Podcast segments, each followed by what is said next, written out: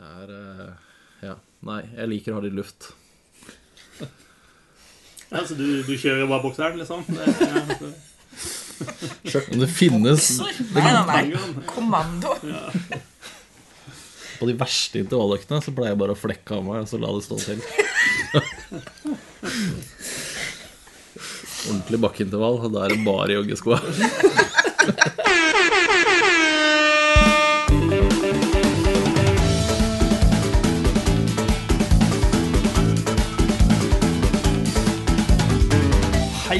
hjertelig velkommen til eh, ja, skal vi kalle det en spesialsending eh, av eh, Double Jump. I dag så skal vi se bakover, og vi skal se lenger bakover enn vi ofte gjør. Vi skal se tilbake til hele det foregående tiåret. Og sånn fordi at vi syns det er gøy, så har vi faktisk klart å samle hele bøteballetten rundt et bord, rent fysisk. Jeg kan nå ta på de som er rundt. Eh, Det var låret til Håvard. Dere hørte litt klapsing der. Hei, Håvard. Ikke noe høyere opp enn det. Eh, Vi vil ikke ha noe metoo-saker i i podkasten, takk. Er Kanskje vi må sende en rapport eh, HMS. Bare sånn for å være på musikklyden. Hvem er det, det som er HMS-ansvarlig? ja, det er meg, det. Så det ja. Shit.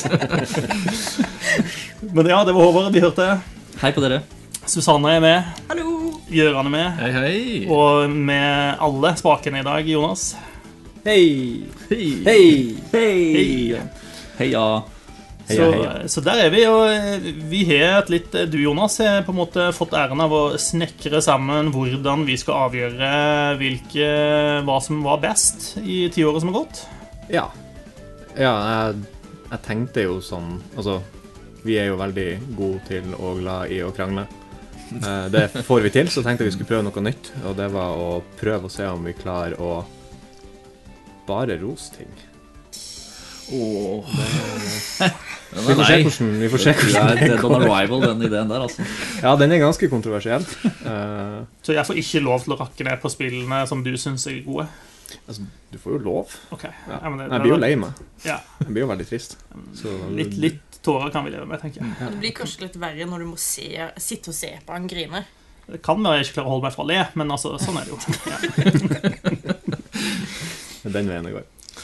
Ja, men så det jeg tenkte da når jeg kom opp med, med, med det, så tenkte jeg at istedenfor at vi kårer liksom tiårets beste spill, for det er jo helt umulig, og det, altså, det er umulig nesten å gjøre for seg sjøl, bare personlig også, så tenkte jeg at vi heller kunne eh, alle, altså, Nå har jeg jo bedt dere alle om å lage hver sin topp ti-liste over de spillene de siste ti årene som eh, dere likte best. Og så tenkte jeg at istedenfor at vi skal krangle dem imellom fordi topp ti på ti år, da er det bare hjertebarn det er snakk om. Så det er liksom Da er det bedre å hylle de, for da er de spillene så viktige for den som har de på lista, at det er bedre å bare ja, blåse ut om, om eh, hvor bra de var. Og så tenkte jeg at jeg skriver ned de, eh, de spillene vi har på lista, og så kan vi til slutt da se hvilket år som hadde flest spill på vår topp ti-liste. Og så kan vi på den måten gjøre det til en sånn arbitrær bullshit-kåring av beste spillår istedenfor beste tiårets beste spill. Da. Så vi kårer Game Year of the Decade, altså. Ja, rett og slett. Så, så alle rundt bordet her nå har lagt sin personlige liste med topp ti spill, ikke rangert. Ikke rangert. Rangert kronologisk. Ja. Var det ikke det? Og så har man i tillegg opptil fem eh, såkalte eh, runner-up eller honorable mentions eller noe sånt. Ja, hvis man sitter der og gråter og har 15 spill igjen, så kan man uh, velge ut tida det med å ha de andre på sånn trøstepremieliste. Mm.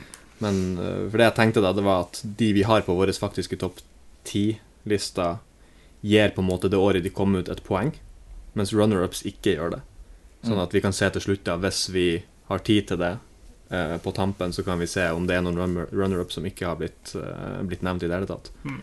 For jeg tenkte jo også sånn at eh, da kan vi, hvis noen har ett spill fra et år, så kan de andre som har det på lista, bare nevne at jeg har også det på lista, så skriver jeg det ned. Og så tar vi den praten i lag, da, istedenfor at vi skal vente på vår tur med å ta det samme spillet om igjen. Altså. Mm. Eh, og samme hvis man har det på runner-up-lista, så sier man ifra om det også.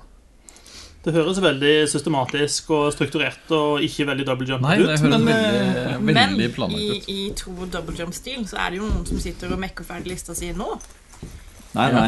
Jeg, jeg fører opp årstall på mine runner. runner Så du outer Håvard når han er på Tinder under sending. Det, Ser du ikke sånne intense sveipinga til I alle retninger. i høy, høyre, venstre, opp, eller Så du må jo få tommelen ut av ledd på et eller annet tidspunkt. Ja, det høres vondt ut. fikser dere sikkert. Jeg får ikke gått til uh, HMS og sagt det heller. Det er sikkert uh, HMS sin skyld at tommelen eh, går ut av ledd. Jeg vet ikke hva du insinuerer at jeg pålegger deg i tommelbruk her, men eh, Ja, nei, men Det skal sies at jeg uh, satt helt til siste Helt til tolvte time og snekra ei liste. Ja. Jeg slet med å få nummer ti på plass. ja. Jeg skjønner ikke det, altså. Nei, De ni første gikk ganske greit. Men hvor mange hadde du på runner-up? Elleve.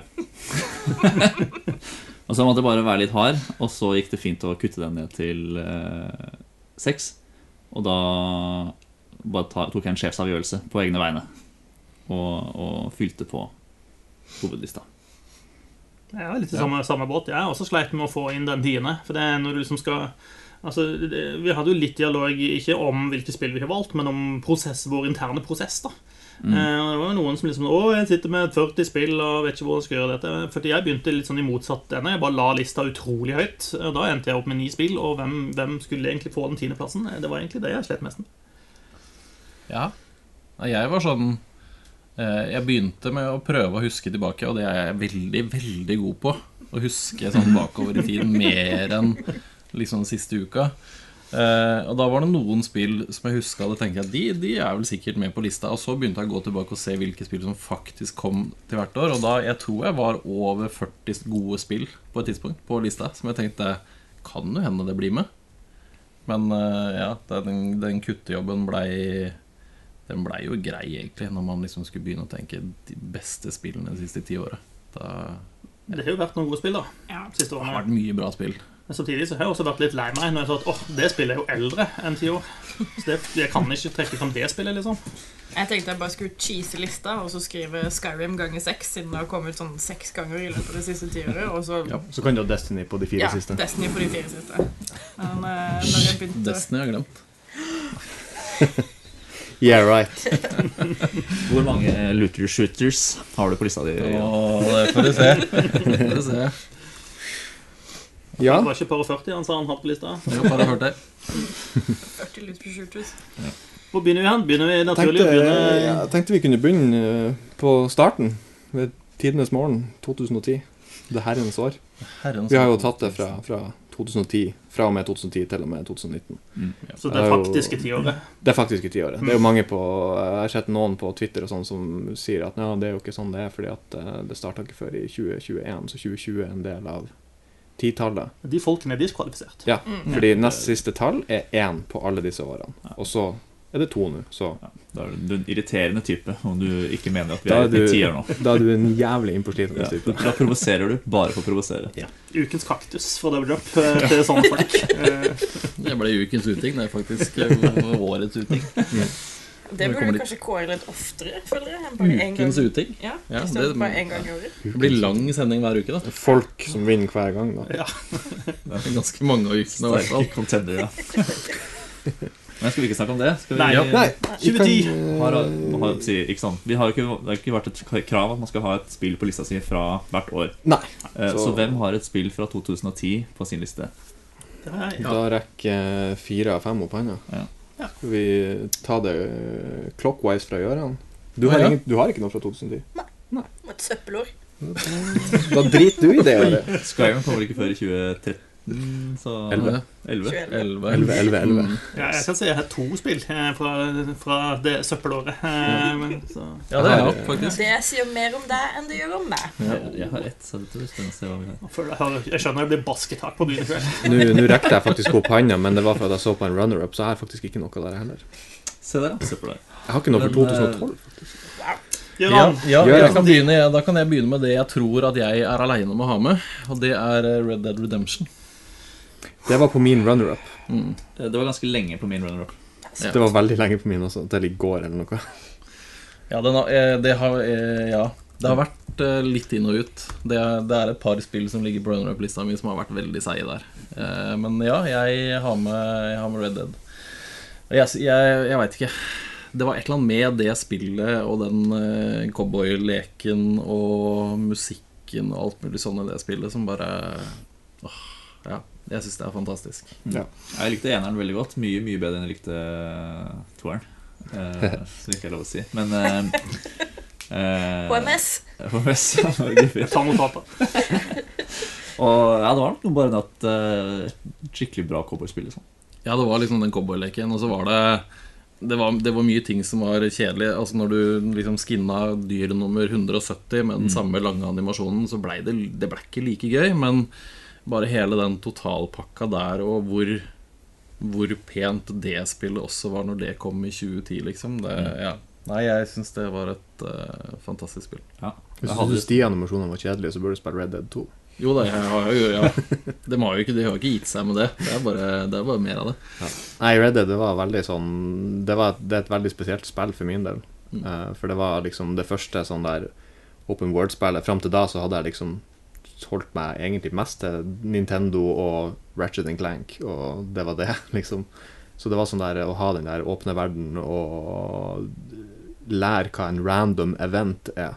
Mm. Jeg var liksom der da jeg spilte det spillet, så det var et veldig sånn der Det åpna mange sånne horisonter for min del, så det er et veldig spesielt spill som har en spesiell plass hos meg, i hvert fall. På grunn av det, det der inntrykket, da. Ja, det var bare gøy å være cowboy.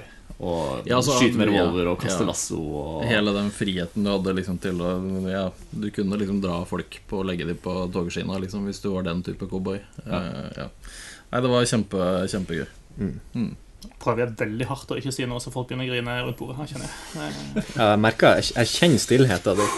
Det er vanskelig. Eh, Jeg holder, jeg holder mye inni meg nå. Bare vær klar over det. Say, Ja, men nå skal vi- you say nothing at all. Nå skal vi hylle de gode spillene. eh, Ja, det er akkurat det. Ja. nå kan vi si en gang for alle at Red Dead er en av tiårets beste spill, ifølge Double Jump.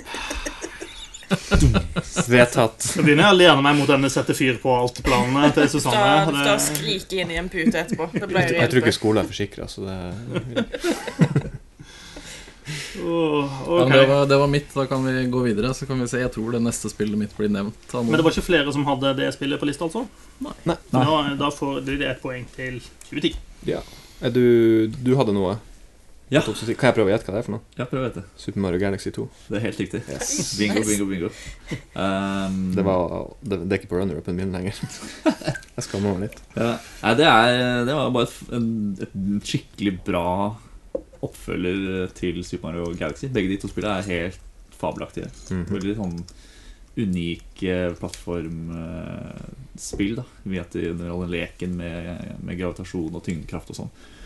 Um, og med fantastisk musikk, som det alltid er i, i Mario-spill. Um, Ja. Bare en sånn stor frihet. Da. Hvis jeg skal tekke en liten ting på det, så er det at liksom alle stjernene er sånn fra Du starter her, så må du gå dit. Og det er den stjernen du kan få tak i her. Ja, for det var det som trakk det litt fra eneren for min del, fordi eneren var litt større og mer åpent Ja. ofte. Ja. Men, men samtidig så syns jeg Galaxy 2 Det er litt sånn Der gjør de på en måte det som de er jævlig gode på, med at de har kule konsepter, og så, la, og så utforsker de de konseptene akkurat så lenge som nødvendig. Ja. Så får bare den stjerna bli så lang, da. Ja. Eh, For da er du ferdig med den, og så går du videre til neste, og så er det bare kul, morsom greie på kul, morsom greie gjennom hele spillet. Ja.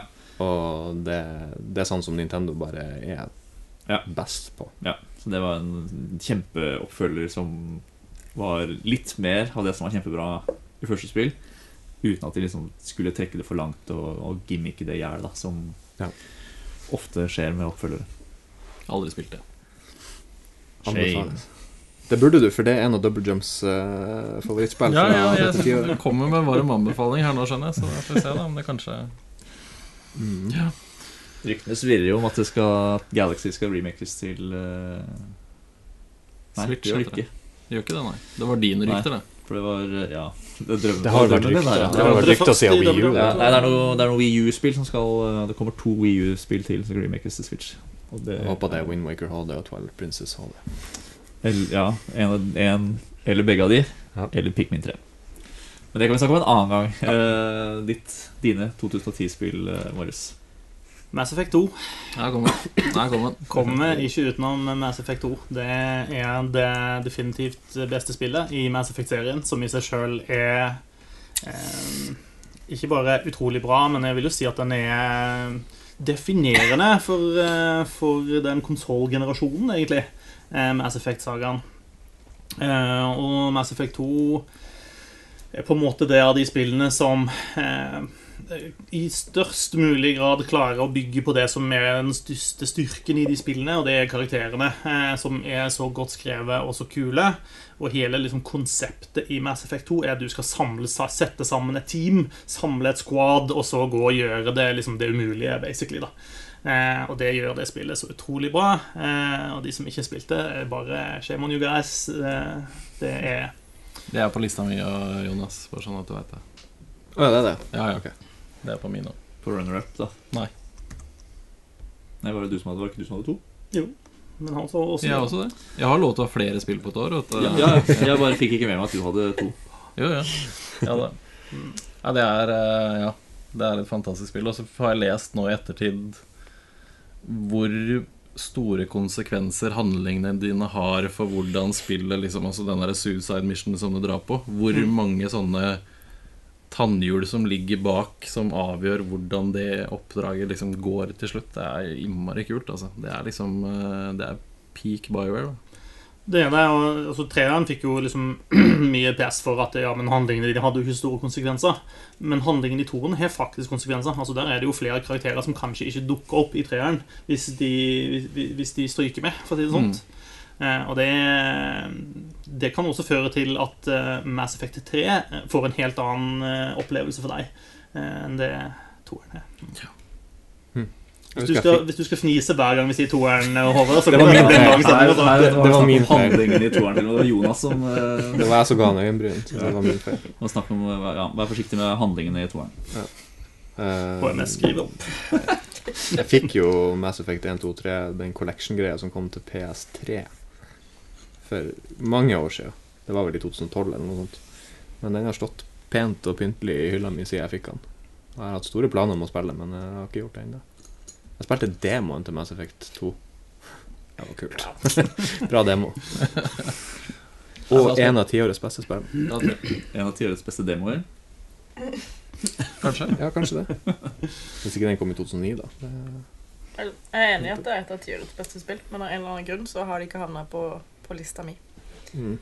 Jeg skal plass til seks Skyrims, så er ikke det så Ja, bra. ja, du- Men, eh, Det er liksom Jeg er litt sjokkert over hvor, hvor mange spill og hvordan spill jeg har valgt å kutte til slutt, egentlig. For det er sånn Det er vanskelig. Det er vanskelig. Ja. Du møter deg sjøl litt på de siste ti. Jeg har ett til da, i 2010. Jeg vet ikke om det er flere som har, har flere nå i 2010. Nei, jeg har noen runner-ups, bare. Men Ja. ja. Vi får ta de til slutt. Fallout New Vegas. Oh.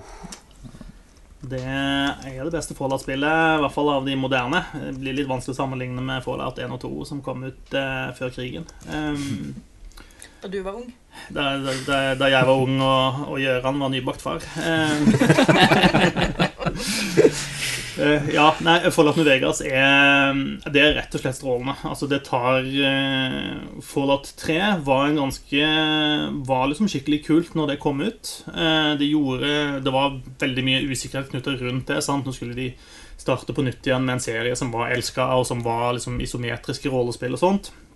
Fallout 3 kom ut og, og, var det det var, og gjorde ganske mye kult. Og Fallout New Vegas bare gjorde så mange kule ting med den oppskrifta. Altså de bare bygde videre på det og perfeksjonerte på en måte det systemet. Eh, la inn eh, istedenfor å ha Altså En av de store utfordringene med Fallout 3 var at hovedhistorien var, var ganske sånn med. Eh, Det var ikke den du egentlig spilte det for. Den var bare litt sånn eh, oppdrag du måtte gjennom, fordi det måtte du. Men i Nuvega så omforma de det på en helt annen måte og gjorde alle de eh, fraksjonene, alle karakterene som er rundt forbi i spillet, de blir liksom vevd inn i hovedhistorien. Eh, alt etter hvordan du valgte å spille. Eh, og som da eh, og spillet avslutta på en måte med en, en crescendo av alle tingene du hadde gjort, som da kom sammen i et sånn stort slag på slutten. Eh, og da var det veldig sånn avhengig av hvilke fraksjoner er det du har støtta, sånn og sånn, som, som avgjør hvem som, som kom ut eh, på toppen da til slutt. Eh, så eh, i, tillegg da til at det mm, de klarte å faktisk gjøre historien i spillet interessant, eh, noe andre Fallout-spill har slitt med. Så klarte de å da også gjøre dine handlinger på en måte som det som pusha historien videre. Sånn at det, følt, det føltes genuint ut som din historie, og ikke en eller annen skribent sin, sin historie. Så Fallout New Vegas er kjempekult, i tillegg til at det var eh, masse sånn kul eh, eh, Litt sånn cowboysjung over, over New Vegas. Som, Tror du ikke du likte sånt. som du ikke har Jeg liker det når det er godt gjort. Ja. Oh, wow. Det å bare skyte, skyte pistol og kaste lasso, det er, liksom, det er ikke nok for meg. da Jeg må ha litt mer enn det. Så Ja, New Vegas er dritbra. absolutt. Det, det husker jeg det spilte jeg i, da jeg var i Forsvaret, så det var min sånn der Når jeg hadde fri Når jeg først hadde fri i Forsvaret, så var det å sette seg gjem, nærmest gjemme seg under dyna og spille New Vegas. Og drikke cola. Kompensere for all aktiviteten. Det er viktig. Ja, det, det er et bra spill. Og en av Double Jumps favorittspill fra tidligere. Sant det, altså. Sant det. Ikke dårlig. Hadde du noen runner-ups, uh, Gøran? Ja, jeg tror vi jeg, Skulle vi Vi tar de til slutt, i Ja, tilfelle vi ikke Mm, mm. Helt til slutt. Ja, sånn Ja. trøste, trøstepremie hvis vi rekker.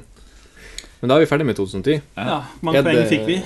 Vi er på fem poeng på Fem 2010. poeng positivt. Det tror jeg er innafor. Ja, det Og skulle vi dømme etter bare rene poeng, så er Mass Effect 2 eh, den med flest poeng. Ja. Ja, Men uh, vi liker de andre spillene også. Det den mest Eh. diplomatiske double jump-sendinga. Ja, det er veldig- Alle skal få. Det er sånn det blir når jeg kommer opp med, Ja, med. Ja. Eh, er det noen som eh, har noe fra 2011? Yes, sir. Ja. Jeg har ikke noe fra 2011 heller. Så alle unntatt Jonas. Ja Susanne? Skal jeg begynne? Ja. Okay, jeg har, Vi tar det eh, klokke, clockwise fra meg. Ja, jeg har eh, ett hovedspill og, og to runners up, faktisk. Ja. Hva er det som er på lista? På lista? På lista jeg vil påstå at det kanskje er et noe kontroversielt eh, valg. Fordi jeg har gått for Dragon Age, 2. Oi! Yes. Yes. Eh, som, som kanskje er det mest hata spillet i hele franchisen. Eh, og med god grunn. Eh, det er mye som er feil med det. Det er mye områder som blir brukt på nytt, og eh, mye shortcuts og sånne ting. Men eh, det driter jeg egentlig litt i. Jeg syns det er et uh, kjempebra spill. Men jeg tror også det leier litt under at det ble kalt Dragon Age 2, fordi originaltittelen var jo egentlig Dragon Age Exodus. Mm. Og skulle egentlig ikke være en direkte oppfølger til det første Dragon Age-spillet. Men Bioware ble pusha av markedsføringsavdelinga si. Som var litt sånn der ah, men oppfølgere gjør det så bra, vi slenger på et totall, driter i hva dere sier. Og så EA, EA. Var det EA da? Ja, det var det vel, var det ikke det? Ja. ja. Det var rundt da folk begynte å mislike det, tror jeg. Mm. Men er ikke det det spillet som egentlig bare foregår i én by? Jo, Kirkwall. Og Eh, litt, litt sånn underground litt andre steder. Liksom. Men, Mm. men ja, Mm. mainly men ja, det foregår hovedsak i, i Kirkwall, som er en eh, liten, koselig by, hvor familien Haak ender opp etter å ha blitt jagd av gårde fra hjemstedet sitt av en eller annen grunn. Er det, ikke, er det ikke en eller annen drage og sånn helt i starten der? Jo. Det er det. Eh, Spoiler, da. Ja, spoiler. Ja. Det tar deg tre minutter å komme til den spoileren. Da. Jeg måtte bare huske om jeg huska riktig. Mm. Eh, men ja, grunnen til at jeg liker det best av kanskje alle Dragon Age-spillene, er at det får den, den store, liksom, sentrale konflikten ned på et mye mer personlig nivå.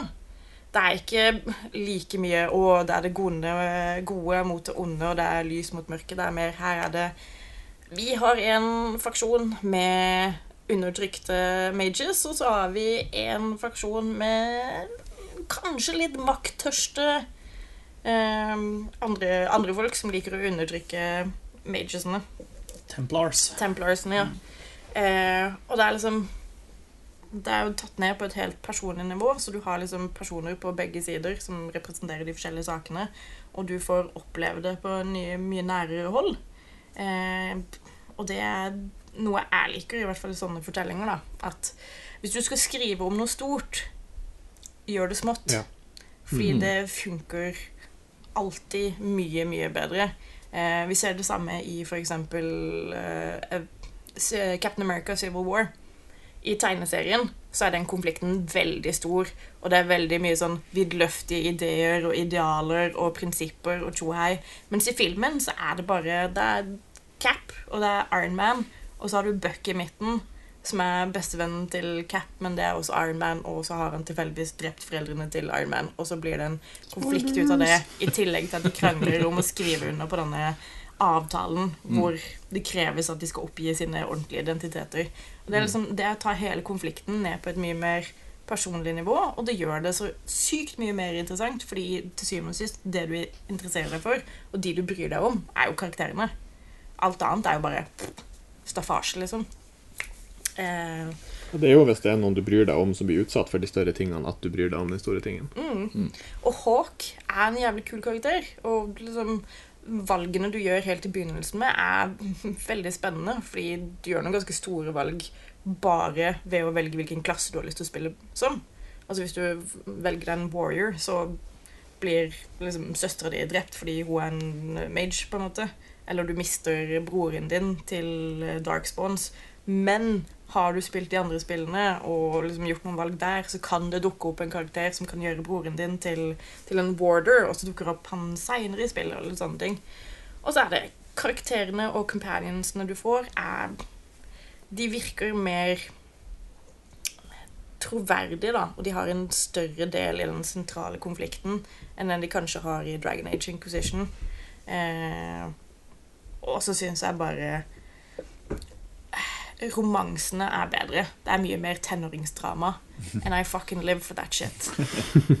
Ja, det er veldig mye sånn eh, du upper liksom forholdet ditt med to folk, og da blir det showdown. Ja, Da er det liksom Jersey Shore med en gang. Ja, og det er, det er fantastisk. Mm. Jeg digger det. Litt slitsomt det der med gavesystemet i det spillet. Hvor du yeah. finner ting du kan gi i gave til folk, og så må du passe på at du gir den riktige gaven til den riktige personen for å få riktig uttelling i forholdet ditt. og sånn. Har du spilt Fire Emblem noen gang? Nei, det har jeg ikke. Da skal vi ta en prat. Det er greit. Men ja, litt kontroversielt er det nok, kanskje. Ja, nei, det er eh, et kult spill. Men ja, Ja, jeg, synes det, var- jeg, jeg steller meg bak deg hvis du må forsvare det spillet noen gang. Ja. Det er kult. Skal ringe deg hvis det, hvis det blir Ja, hvis det blir, hvis det blir noe altså, jeg, jeg kan være muscle, jeg da. Altså. Prøve, i hvert fall. Ta med kidsa og bruk de som meat shields. Ja, ja, ja, det er ikke noe stress. Har vi flere 2011-spill? Yes, sir. Yes. Det har vi. Skal jeg slenge ut uh, et av mine? For jeg har to der òg. Ja, ja, ja. det er et spill som heter Dark Souls, som kom i 2011. Det har jeg hørt noe om. Ja, og det er eh, selvfølgelig et av de beste spillene de forrige tiåret. Det har jo på en måte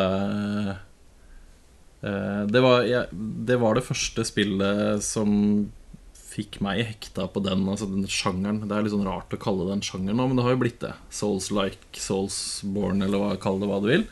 Eh, det har i hvert fall blitt, blitt det der. Og Dark Souls er bare helt Ja, det er helt fantastisk. Det er eh, kampsystemet og, og hvor mye du liksom lærer underveis om, om de forskjellige mekanikkene, og hvordan verdenen er bygd opp, hvordan det liksom Du jobber deg gjennom sånne sekvenser i spillet, og så kommer du til en dør, og så låser du opp den døra, og så er det liksom, nå er du tilbake til starten, og nå slipper du å gå alle de sju minuttene og overleve alle de fightene, for nå kan du bare løpe gjennom der. Eh, hvordan de liksom har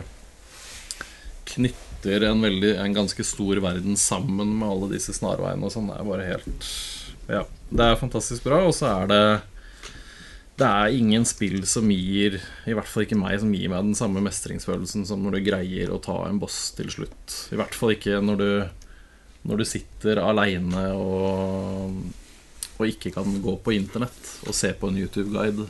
Eh, eller velger å ikke gjøre det. Og du liksom Altså, endelig 2011 er ikke så lenge siden. Nei da, men um, Vi hadde bredbånd. vi. Eh, det var mer Altså det var Dark Souls 2-opplevelsen min, for da spilte jeg det før det kom. Så da var det på en måte Da var det ikke noe informasjon tilgjengelig. Men, det, det er eh, jo sånn anmelderens verste mareritt. ja, det, men det var, det var samtidig Det var veldig kult. Men uh, i Dark Souls så spilte jeg litt på samme måten. Jeg valgte å liksom ikke oppsøke alle de kildene for å liksom få, få den opplevelsen. Og det er uh, Ja. Det er eh, et av, de, et av de aller beste spillene mine sånn generelt. Så det, selvfølgelig er det da på topp ti-lista også.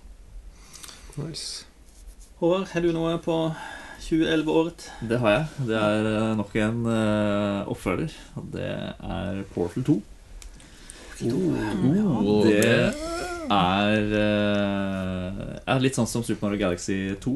En sånn, bare en, en oppfølger done right. da mm. Til Der Portal 1 var mer en sånn tech-demo, uh, så har de jo tatt konseptet og så og vanna det og gjødsla det Sånt. det har vokst ut til noe sånt stort. Uh, og uh, ja, enda større, enda morsommere, vanskeligere gåter. eh, Flere øyeblikk der du føler deg som en jævla idiot. Mm. ja. Og ja, nei, Og så føler du deg dummere når du innser hva som er løsninga. Ja, det er litt vondt. Det er det den derre Du har det foran deg, og så tenker du sju steg for mye. Ja. Så du overkompliserer ting så til det ekstreme. Og så er det liksom hvis du tar én der, og så én der, så er det løst. Men i stedet så har du en seks-sju steg på veien. ja. Ja. Og, eh, og det spillet har en fiffig historie med sånn eh, unlikely friendships og Eller i hvert fall samarbeid, da. Om ikke vennskap, så i hvert fall samarbeid. Og eh, bare sånn herlig sånn Altså stemmeskuespill og sånn er jo helt Ja, ja, ja men han bra, da. eh, Heter han Merchant, han som har stemmen Steven til. Steven Merchant, ja. mm. Ja, han er kjempebra. Han er kjempebra. Og Gladys er jo sitt, sitt vante jeg. Potet-Gladys. ja. Det var litt tidspunkt hvor alle hadde en sånn plush companion cube. eh, Og ikke minst uh, han, uh, den ranten til han som eide fabrikken. Om, eh, life gives you lemon, don't make lemonade. Mm. Make life take the lemons back. Get mad, demand to see life's manager. Uh, men ikke minst den uh, flerspillerdelen av Portal 2. Kjempegøy. Ja, uh, helt fantastisk. Man sitter på hver sin side, og Glados liksom hvisker uh, oppfordring Eller oppfordring Hva heter det? Ja, en- Oppfordring. Oppfordring, ikke oppfordringer, men sånn oppmuntringer, da. Eh, Når du har gjort et oppdrag, så sier den sånn I ditt øre så sier den kanskje 'Det gjorde du kjempebra'. Eh, og til den andre så sier den kanskje eh, 'Her var du best'. det, det visste jeg ikke. Gjør det? Hvis du spiller på hver, din- hver din side, så bygger de liksom opp til en sånn konflikt Ja, ja. Så kult. eh, dere imellom. Og det er eh, kjempegøy. Sånn nydelig touch. Ja. Mm. kan hvor man prøver å splitte, da. Det er splitt og hersk på en måte. Uh, si begge gjør det beste, eller uh, kan snike inn til at uh, den blå spilleren var faktisk litt flinkere enn jeg var. Uh, sånn, faen, nå må jeg bare steppe opp, da. for Jeg kan ikke Selv om man gjør jo de samme tingene, på en måte. Man, eh, det er ikke noe poeng i, i disse gåtene. Så det er litt rart at man skal bli rangert på noe der. Ja, men det er kult. Men eh, ja, en helt nydelig, helt nydelig, nydelig oppfølger. Nice. ja. Har vi flere i 2011? Skyrim. Skyrim. Sant, det. det Vi kommer ikke utenom Skyrim, altså. Nei, vi gjør ikke det. Du kan sette to på den. Ja. Ja. Det var også på den Tre? er hos meg. Du har ikke Skyrim på lista? Ikke det året. Det var bare en smak. Jeg har, eh, har Skyrim til Xbox One X. Nei, det er litt sånn, hva, hva skal man si om Skyrim som ikke er sagt allerede? Altså, Jeg spilte det spillet senest eh, i helga, liksom. Det, er- det er jo med oss fortsatt. Eh, It ain't no fallout, men det dug. Jeg vet ikke helt hva jeg skal si om det. Eh, Men det er, noe, altså det er noe med Skyrim som altså Det har en så solid ryggrad, på en måte. Eh, En sånn grønnstamme som, eh, som som er så glimrende at selv om det er en del quests og sånne ting i spillet som er litt sånn den er løp rundt og fang, tåler dette og kom tilbake og få en premie, liksom, som, så, er- så er ja, det er likevel så mye i den verdenen som, som gjør det spillet genialt. Og, og det hjelper jo selvfølgelig at jeg i tillegg har fått en sånn community rundt seg som fortsatt produserer vanvittige mengder innhold til det spillet. Mm. Så spiller du det på PC, så har du jo håper jeg, nye quests og nye eventyr eh, sikkert de neste ti årene. Er det lenge siden du ikke har spilt det med nakenmod på? Eh, Nei, eh, det er ikke det. Ok, Jeg tror på det. Det hender jeg spiller det på konsoll, og da har jeg ikke sånne ting på. Så, mm. Ja, skjønner. Ja, Var det 2011? Det var 2011. Jeg har en runner-up, men de tar vi vel til slutt. Så. Yeah. Da, Så To 2011 runner-ups? Ja, det sa du jo. da har vi likt på 2010 og 2011. Begge to har fem poeng. Tenk om alle åra får fem poeng. Kanskje standarden blir satt latterlagt. da blir det Sudden Death eller Battle Royale på slutten, tenker jeg. Oh, yes. Yes. Og du har allerede meldt deg frivillig som min muscle. Ja, ja, ja. Du sier du har veldig høy tro på Gjøran som muscle, føler jeg. Altså, Uh, Muscle, meat shield. Mm, Kall det hva du vil. ja. Distraksjonens eh, sikkerhet. 2012. Ja, Har noen noe i 2012? jeg har 2012. Jeg har 22. Jeg tror jeg har det. La meg sjekke lista. Ja, det har jeg. Eh, ja, skal jeg bare starte med min, kanskje? Ja. Det er du som er det. sikkert feil uansett. så lite eh, Min er kanskje en av de riktigere spillene å ha på ei topp 10-liste.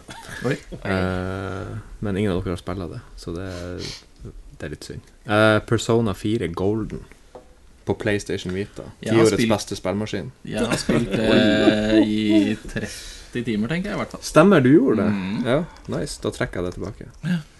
Eh, Da trekker du nominasjonen tilbake. Ja. Nei, det gjør jeg ikke. uh, ja, nei, Persona 4 Golden er jo det ultimate liksom blandinga av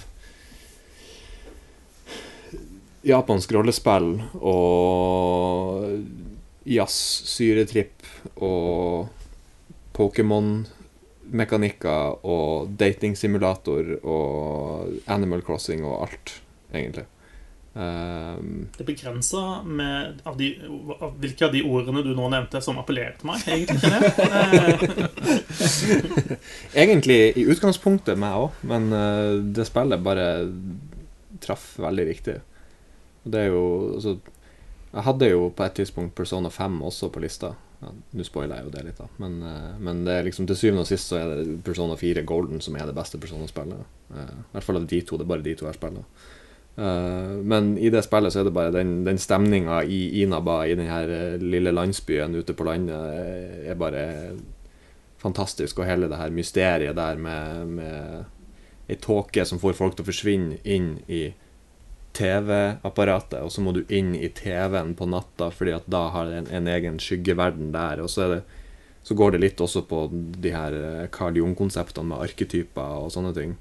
eh, inn i denne verden da, og det bare er veldig kult. Og så er det tempoet i det spillet helt fantastisk, for det er jo sånn på dagtid så går du rundt og er på, er på skolen og henger med venner og spiser og trener, og du gjør ting, du gjør aktiviteter som du har et begrensa antall av, for å, eh, for å liksom videreutvikle de statsene eh, du vil videreutvikle.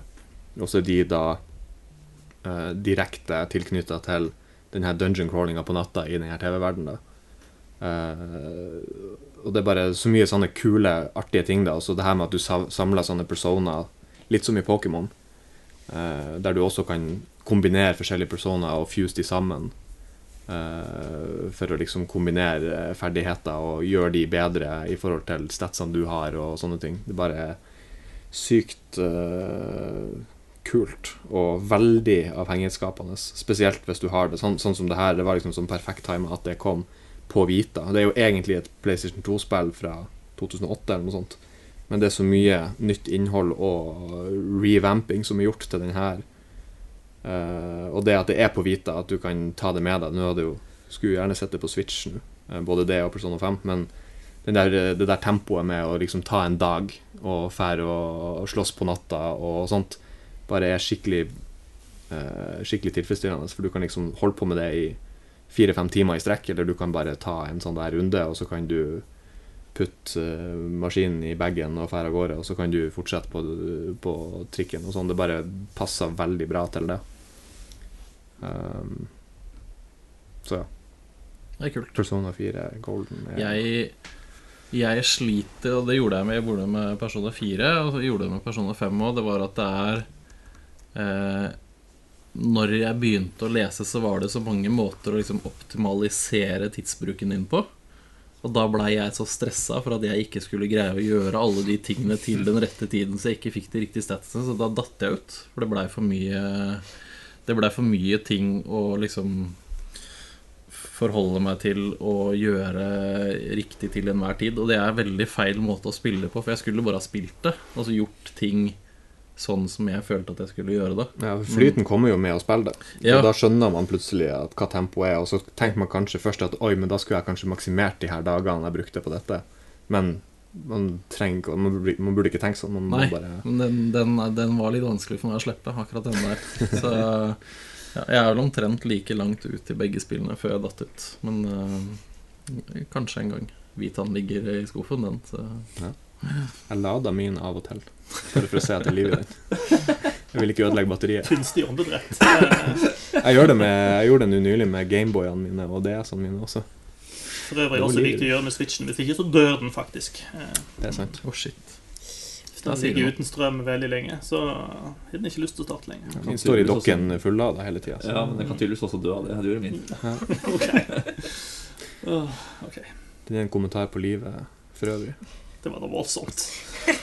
Denne episoden her, altså. Dette er helt spesiell. Ja, det er helt- folkens. Ja, eh, Skål!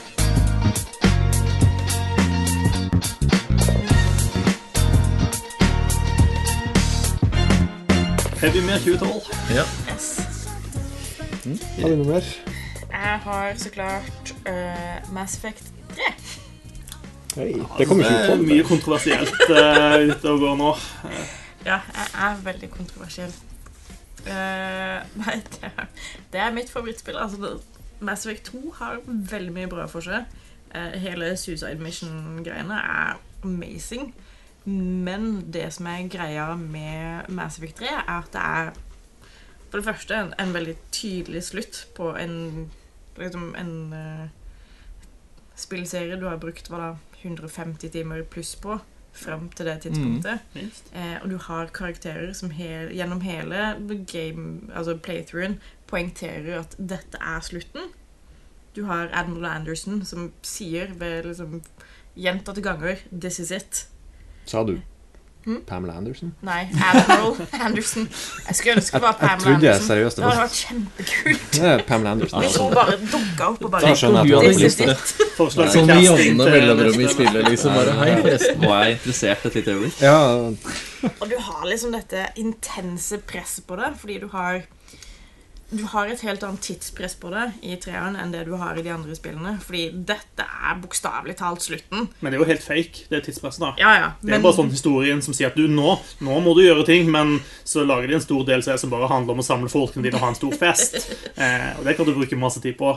Yes, Men altså, hvis du ikke spiller med DLC-en, da eh, Når du spiller først når det går ut Det er sånn, Du har dette presset på deg, og du føler på det konstant. Fordi hver gang du gjør et side mission, så er du sånn Holy shit, kan jeg virkelig bruke tid på dette her? Er dette noe som er verdt å ta bort tida fra hovedkampen på? Og hvor mye bryr jeg meg egentlig om disse karakterene?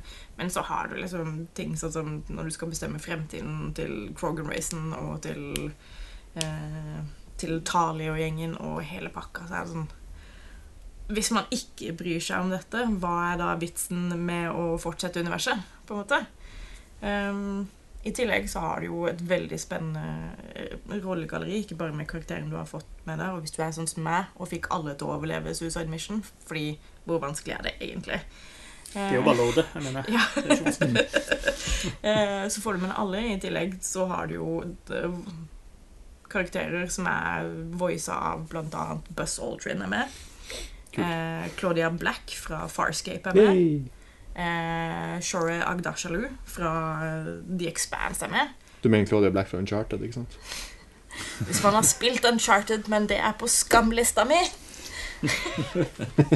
Ikke verdt å spille. Det er en annen episode. Det er Det er en annen episode. Eh, følg med for mer skam. Eh, og så har du også et, fantastisk soundtrack av Sam Hulick og Clint Mansell, som bare funker megabra med den, det intense presset det spillet setter deg under. Eh, og Endra ikke de slutten på det spillet? Mm. Endra ikke de noe med slutten på det? Jo, og her er aberet med Mass Effect 3. Uh, de siste 20 minuttene er bortkasta. De kunne bare kutta med en gang. Altså, Du kunne gått til rulletekst det sekundet uh, Admiral Anderson, ikke Pamela Anderson, og uh, Shepherd taster inn koden på dette uh, liksom alien eh, keyboard-tingen, og de skal opp i den greia hvor du møter fuckings Ghost Kid, som alle hater, og det er med god grunn. Det kunne bare gått rett rulletekst der, fordi poenget med hele Mass Effect 3 er ikke hvordan det slutter, eller om du greier å slå reaperne. Poenget med Mass Effect 3 er at du kom lengre enn The Protheans. Og derfor har nestemann desto større sjanse til å slå reaperne enn det du har. Det er hele poenget med Mass Effect-serien. Ikke at du faktisk greier å slå dem. Eh, altså De siste 20 minuttene er Bioware som faller for sin egen altså, De faller for trangen til å forklare sin egen mytologi. Som er helt unødvendig. De hadde ikke trengt å gjøre det, men de har sikkert følt press, da. Ja, altså her er, her er ikke du på lag med folk på internett. Nei. Eh, det er kontroversiell, sa de jo før hun begynte ja, ja, ja. Altså, de hadde ikke trengt å gjøre det. Eh, Shepherd, Anderson, taster inn den koden. Eh, fade to white, fade to black, rulletekst.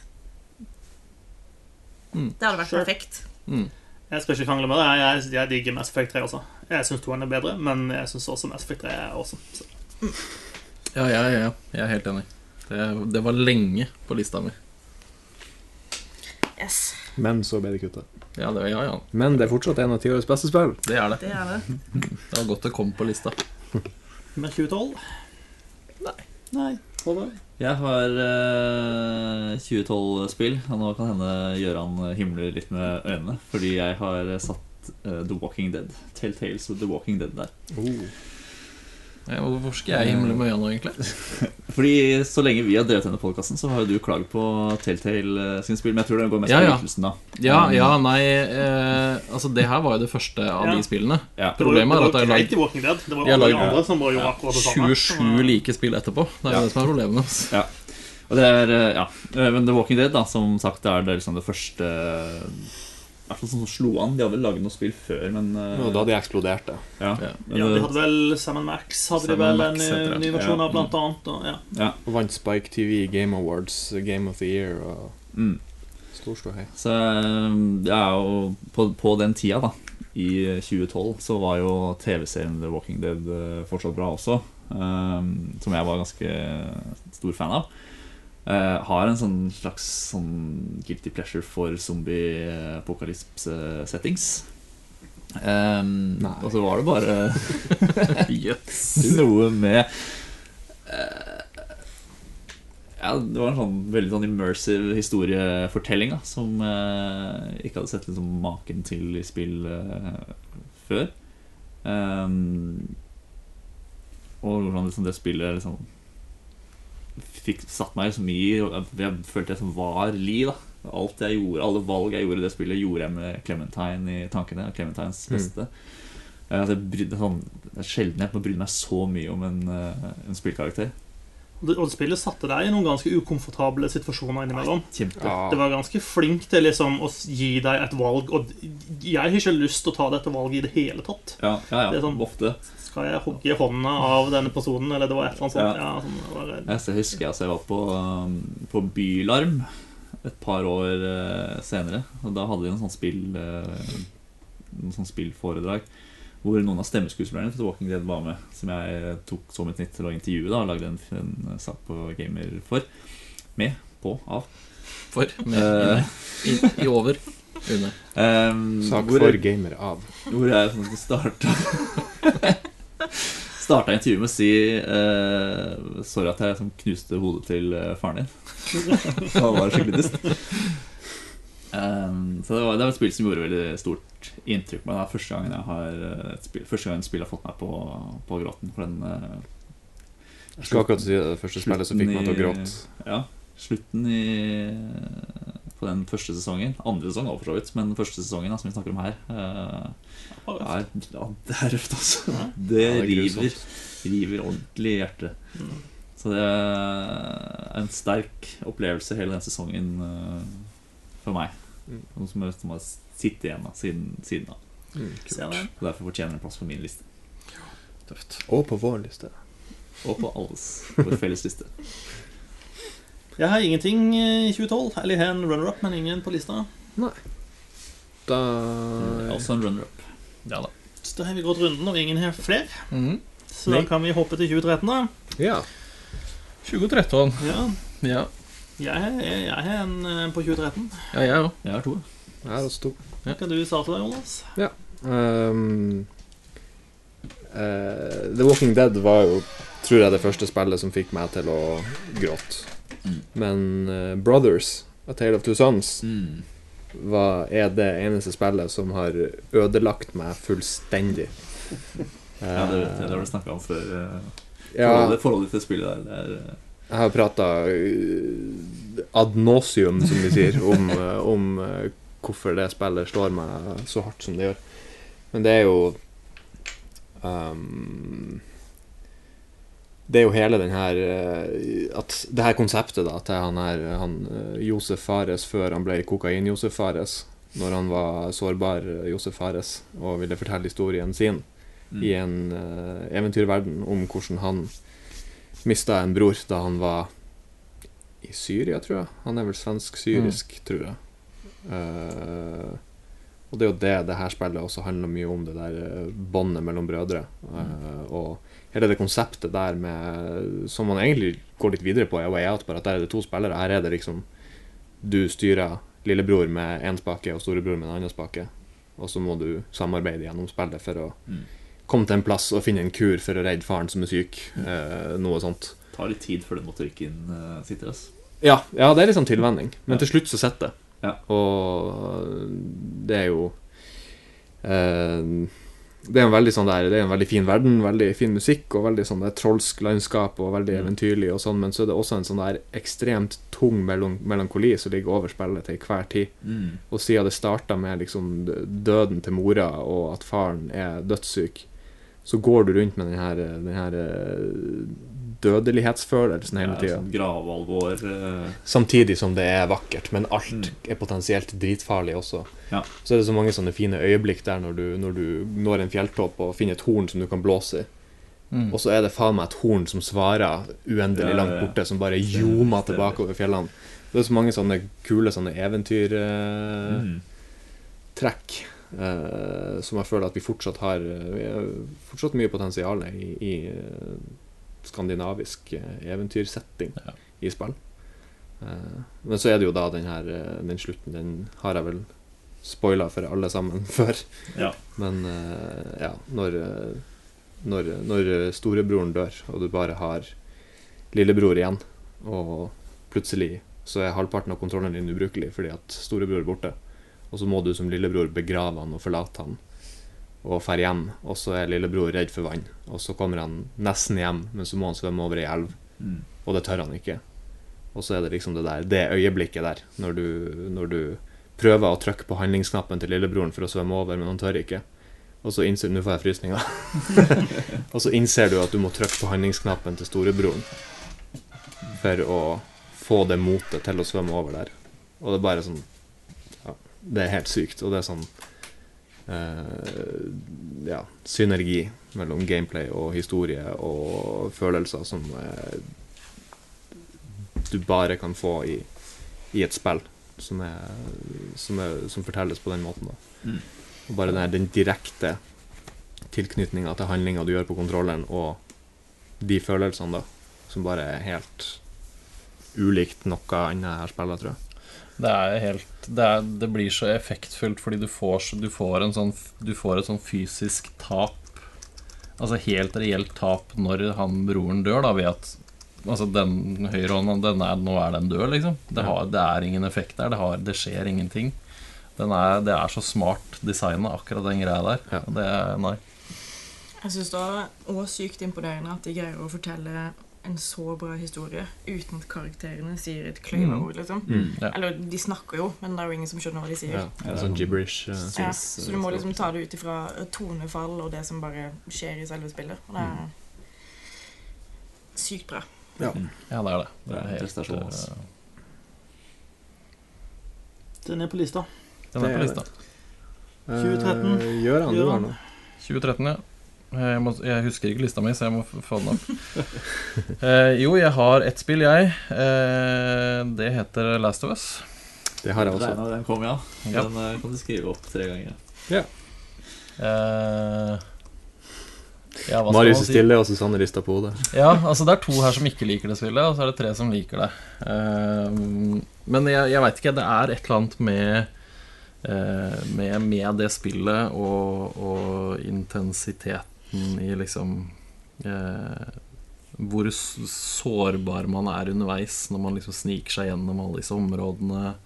Eh, altså, altså kvaliteten på stemmeskuespill og på grafikken. Og på skuespill generelt. Skuespill Mm. generelt. Eh, og jeg jeg syns de evner å fortelle en veldig god historie gjennom spillet, selv om det er litt sånn altså Det kan være litt dødtid, og det er litt sånn, men det er bare Totalpakka det til det spillet syns jeg er eh, Jeg synes det er helt fabelaktig.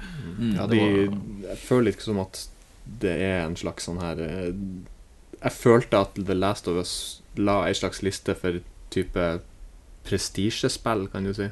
Altså det er liksom Her er et sånn her Dette spillet, liksom. Det er Ja. der oppe, og det er så bra på alle tenkelige måter. Og uh, bare det her med at det er en så Som du prata om med, med Dragon Age 2. At det liksom Det er en stor fucka ting som har skjedd, men det er de her to personene som ikke vil være sammen, som må kjempe for å overleve, og det er liksom deres historie som gjør at du bryr deg om alt for øvrig. Mm. Og hvordan de på en måte mm, avslører ting underveis. Det her med Ellie og at hun er immun, og, og, og det her, og at du får et sånn lite håp der for menneskeheten, men så tar de ifra deg kontroll over hva du vil gjøre til slutt, og så sier de bare nei, fuck you, det her er historien, og Mm. det skal gå sånn her fordi Joel er en egoist, og han trenger dette, liksom. Og det bare er sånn der Fuck. Mm. Det er så bra. Jeg syns nå til dag er flinkere til å lage film enn å lage spill. Ja, nei, jeg syns Jeg tror også det var en sånn ny Ikke noe negativt. Sånn ny standard for historiefortelling på en måte for meg, eh, føler jeg. Sånn, hvordan de sånn knytter det interaktive sammen med liksom, det du ikke Med det filmatiske, da, eller eh, hva man skal si. Syns jeg altså det var over noe annet som jeg har sett før den tida. Mm. Ja. Absolutt. Så det var en, sånn, det var en stor opplevelse. Og så har jeg kommer litt tilbake til denne fetisjen jeg har for zombiespill, da, eller zombiesettinger. Um, Eh. Det er jo bare soppinfeksjon. Dårlig dag hos fastlegen. Soppinfeksjon-apokalypse. Eh, pluss sneaking, som jeg også er veldig glad i. Som jeg syns det spillet gjør veldig bra. da I Mm. tillegg til at uh, det har det som gjør alle gode zombie-settings bra, er at det er mennesker som er farlige, da ikke zombiene egentlig. Eh, med litt forhåndsregler så er ikke zombiene Det må gjøres riktig, da, for at det ikke skal bli klisjéfullt. Og det syns jeg Ja, de gjør riktig. mm. Ja, Gleder meg til neste. Yes. ja, så Ikke lenge til. jævlig. Jeg gleder meg også til oppfølgeren, til tross for at jeg ikke liker første spillet. Altså, Det har veldig mye bra for seg. Liksom, bra skuespill, bra design. Jeg liker zombiene. Det er en kul måte å gjøre det på. på en måte. Eh, Lyddesign. prologen, eller introen, var Mm. amazeballs. Ja, men så altså. syns jeg ikke det var noe gøy å spille det. Men eh, som jeg har sagt tidligere, fortsatt jævlig gira på å spille toeren. Og jeg vet ikke hvorfor. Nei, men altså, se på traileren i Ja, traileren altså, den er jo helt dust, da. Ja. Det er jo helt teit. Helt Men gi spilleren litt agency i hva som skjer, da. Please. De trenger Ja, men alle, jeg, jeg trenger Jeg ikke å ha ikke agency i alle spill. Men Da kan du gå på kino og se en film, da. Ja, men altså, Hvorfor kan jeg ikke få litt av den samme opplevelsen i et spill? Hvorfor er det feil? Ja, liksom? men Hadde det vært litt av den samme opplevelsen, og en ting. Men, men, men altså, min opplevelse er at jeg føler at jeg blir fratatt noe da når jeg spiller det. Jeg føler liksom sånn Nå spiller jeg eh, en karakter. Jeg er blitt satt til å styre en karakter. Og så tar spillet bare fra meg valgene. Nei, du hadde tenkt å gjøre ting på den måten, men det får du ikke lov til. Fordi nå skal dette skje. Eh, og da, da, da blir det en sånn dissonans da mellom det jeg opplever som spiller, og det spillet egentlig bestemmer at jeg skal gjøre. Og da har jeg det ikke moro lenger.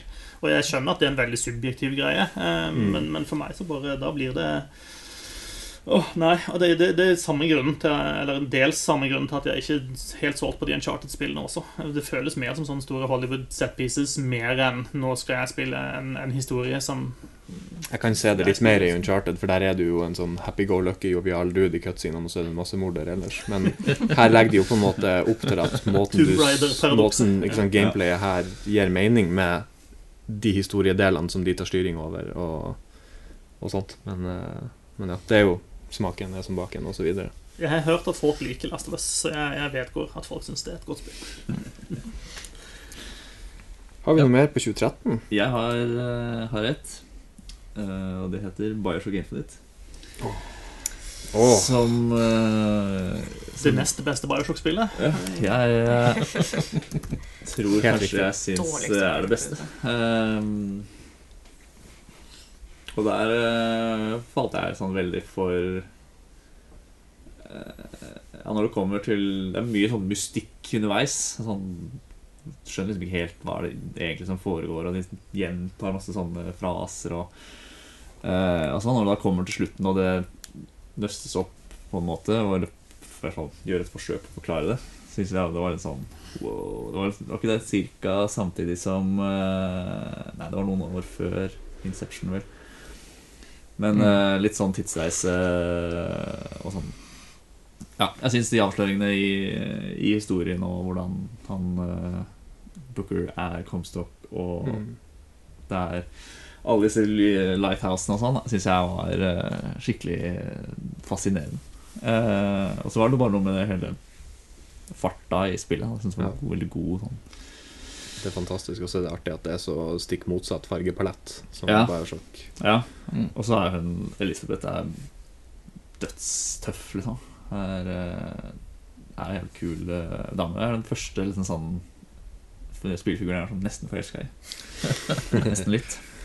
Eh, Det var ganske kul, denne mekanikken med disse skyhookene, eller hva de heter. Ja. for noe, Mm, Og er den biten var også ganske stilig. det. Eh, Og det endra jo på en måte veldig mye av gameplay fra de tidligere Bioshock-spillene også, Mm. egentlig.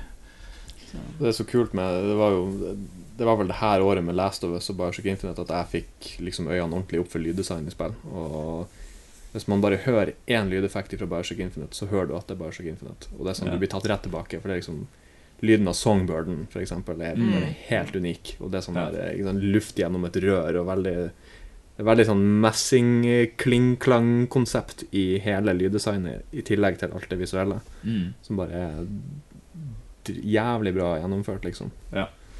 jeg syns spillet hadde sånne gode twister da, underveis. Liksom, eh. Jeg spilte gjennom det tre ganger på rad. Jøss. ja, Det var i overkant. Jeg spilte først på Xbox eh, 360, så underveis tenkte jeg faen, det her har jeg lyst til å spille på PC. ass Så hele Bioshock-samlinga var på salg til 60 kroner, eller noe sånt, så slo jeg til og spilte den en gang til. For det var ikke den beste performancen på 360 på det spillet der. Nei, Det lygga litt grann i de hissigste actionscenene. Altså. ja, jeg husker jeg hadde noen sånne eh, save-issues også, hvor jeg måtte gjøre sånn samme sånn ganske stort segment av spillet tre ganger, fordi det sto at det sava, så sava det ikke likevel. Liksom, at det var jeg tilbake på starten. da, Sånn at, det- ja. Så Den tredje gangen så spilte jeg bare langt, langt, langt forbi. ja, greit, jeg skal sitte her da i fem timer. ja. Men eh, det beste spillet i 2013, det er Europa Universalis 4. Og 2013 det kom, jeg. Jeg visste det kom på lista, men jeg visste, husker ikke åssen år det var. Det, altså det er jo det beste strategispillet eh, det forrige tiåret. Eh, uten sidestykke. Eh, det var skikkelig bra når det kom, og det har jo også bare blitt bedre og bedre med hver utvidelse det har kommet. Og det er jo på en måte finansieringsmodellen til Paradox på de spillene, er jo å fortsette å utvikle de. Og det er jo nå en veldig stor utvidelse som, som fortsatt som er under utvikling nå, og som kommer om forhåpentligvis ikke altfor lenge. Eh, og det er et spill som de, eh, de har støtta veldig godt, eh, men som kanskje Kanskje litt i motsetning til f.eks. Crusader Kings, da, så har de eh, her klart hver gang de lager en utvidelse, så har de klart å få den til å føles riktig for spillet. Mm. Crusader Kings ble etter hvert et sånn feature creep, hvor de liksom slengte på nye ting som ikke spilte så på lag med de tidligere tingene i, i spillet. og sånt, sånn at det, ble, det, det føltes som at her hadde de bare slengt masse shit på veggen, eh, og det hang ikke sammen, mens Europa Universalis er ting er så utrolig nydelig balansert i det spillet. Eh, Det er så enormt bra jobb de gjør med balansen, med balansen og de mekanikkene som samspillet i det spillet er så helt utrolige at du kan, du kan glatt spille det spillet i 1000 timer eh, og fortsatt ikke være lei det, eh, fordi at spillet hele tiden rebalanserer seg etter maksforholdene. Eh, og det at nettopp det at du kan spille en hvilken som helst nasjon liksom innafor eh, det tidsspennet på et par hundre år der, det er helt nydelig. Så Mm. Du har vel spilt eh, 1000 timer og fortsatt har det gøy? Ja, stemmer det.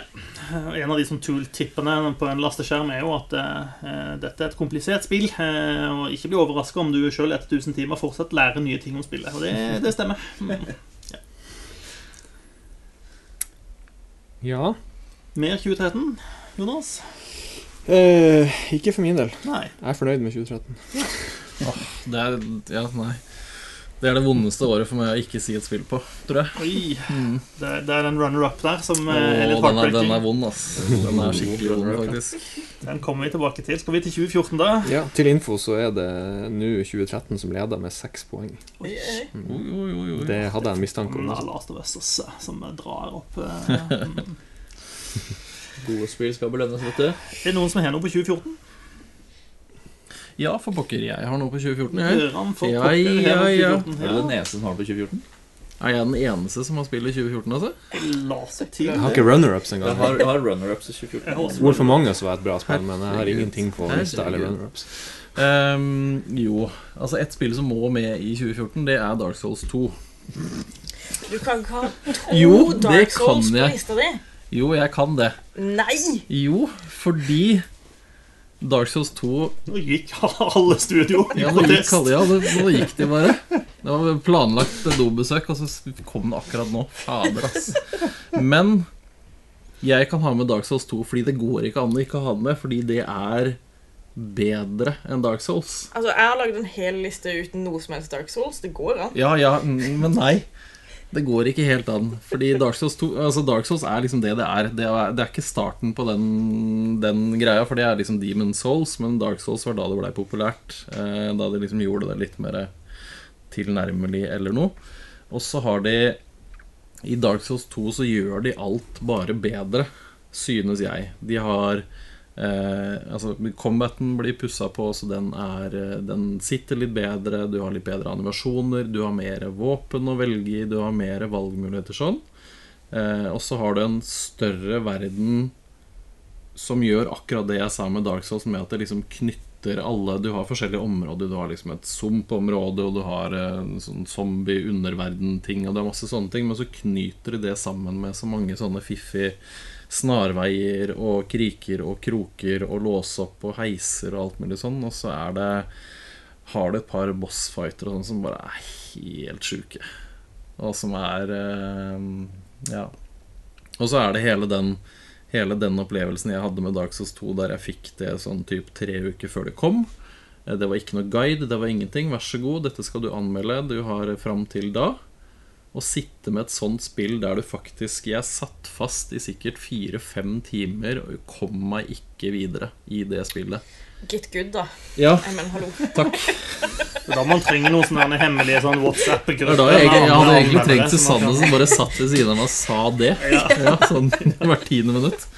Eh, men det er, det er en helt sånn sjuk følelse når du da endelig liksom skjønner at Å, det er her jeg skal, ja. Bak denne døra, inn dette altså, Det er noen sånne veldig rare greier. Og liksom Å få det til, og få det til å funke da, det er eh, Ja. Jeg kan si På sånne ting så har jeg utrolig mye lavere eller mindre tålmodighet enn jeg hadde liksom da jeg var kid. Ja. Eh, når jeg vokste opp, så var, altså, da, var jo, eh, da var jo spill ofte begrensa av eh, lagringsplass på mediumet det kom ut på. Eh, og derfor så var ofte spill designa sånn at det var vanskelighetsgraden og sånne ting som på en måte gjorde at spillet ble langt nok. Eh, eh, og da hadde man hadde iallfall jeg mye tålmodighet til liksom, å leite rundt etter hemmeligheter for å finne ut av hva som er. Men nå i dag Hvis jeg står fast et sted mer enn fem minutter, så er det rett på internett. Dette, ja, nei, jeg vet ikke dette har jeg ikke tid til. Oss. Tid og penger og alt det der. Nei, jeg veit ikke jeg Jeg vet ikke om jeg hadde hatt hjerte til å gjøre denne greia der en gang til, men Nei, Dark Souls 2 er fantastisk. Jeg tror jeg ga det ti av ti på gamer, faktisk. Yes. Mm. Det, det, ja, det er helt fantastisk bra spill. Og jeg skjønner at de ikke er fallet, for det er et helvete å spille inn Du, altså, du kan, du kan bokstavelig talt prøve sikkert 150 ganger på en bossfight, liksom. Og ikke komme et snev videre. Eh, men så er det den ene gangen da der alt klaffer og du får det til. Så er det jo, det er jo kongen av verden. Da. Sounds like rage quit to me. Ja, det er jo de, altså, de hører jo med. Ja. Ja da, det, det hører med, de pausene der du liksom bare Nei, nå må jeg gå. Eller så er det et eller annet som blir ødelagt her. Om det er TV eller meg eller Det er litt usikkert. Ja, ja. Nei, Dark Souls 2 det jeg kom ikke utenom. Jeg tenkte altså, jeg kan ikke ha med to Dark Souls. Jeg kan ikke ha med to, Men jo, jeg kan det. Men det er altså det eneste spillet vi har med i 2014. Så da er 2014 en eh, god contender for det dårligste spillåret I eh, eh, ja, poenggivende spill. Ja. Er det Ja, den er, uff. ja, Der er det også et som er nesten like vondt. Skal vi hoppe rett til 2015, da? Det kan vi gjøre. Jeg kan uh, frese gjennom en der allerede. Frese vei. Eh, Rocket League. Jeg lurte, jeg tenkte på den. Ja. Jeg, er for dårlig i. Rocket League til å like det. Jeg liker ikke bilspill, jeg liker ikke fotball. Same. Eh, Men Rocket League er det Rocket dritgøy. Ja. Jeg har, den jula som var nå, er den femte jula med Rocket League, og jeg spiller det hver jul når jeg er hjemme i Bodø. Ja. Og har en sånn der hale ut i januar, langt ut i januar, der jeg bare må spille Rocket League. Mm. Men det er ikke fordi at det ikke er så mye gøy å finne på i Bodø. altså. Eh, jo, det også. Ja. Eh, men så blir jeg like overraska hver gang over hvor sykt avhengighetsskapende det er når du først kommer inn i det igjen. Og det er sånn der eh, Jeg husker det var, jeg, sto, jeg sto opp i, en gang i romjula, så satt broren min og spilte det allerede, og det var sånn der Kjenner at det klør i fingrene etter å være med og krasje i den ballen med den bilen. Og det Ja, jeg tror det er Jeg tror det er det artigste sånn der type multiplierspillet jeg vet om. Kanskje etter Mario Kart Double Dash. Som selvfølgelig er det beste noensinne. Men, Det er det eh, beste bilspillet. noensinne. Ja. Jeg altså fikk skikkelig eh, hekta på Rocket League eh, en ganske lang periode, egentlig. Men, eh, men etter alle andre Jeg begynte ikke å spille før jeg kom på, på Steam. Eh, det andre spilte det vel når det var gratis på PlayStation. For det ble gitt ut som en sånn PlayStation Plus ja, det var en av de første PlayStation Plus-spillene Ja. du fikk, tror jeg. Eh, Eller som du fikk gratis da med PlayStation Plus. Så sikkert en av grunnene til at det ble den store eh, greia Sannsynligvis. altså. Sannsynligvis. Jeg har har da betalt for det. Wow. Wow. Jeg hadde 100 kroner for overs da det var på salg en gang. Hør på deg, da, 150 Krøsus.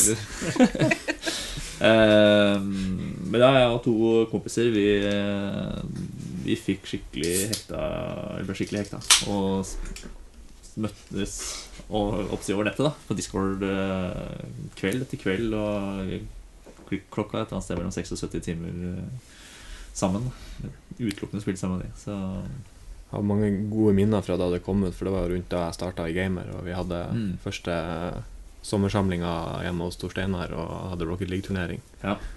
Så vant jeg. Det beste jeg liker med Rocket League, er at jeg har slått nederlandslaget i det. Jævla nederlandslag ass De er ikke så jævlig gode i spill ass Jeg er ikke det. Torstein er for øvrig tidligere ansvarlig redaktør i Gamer. Ja.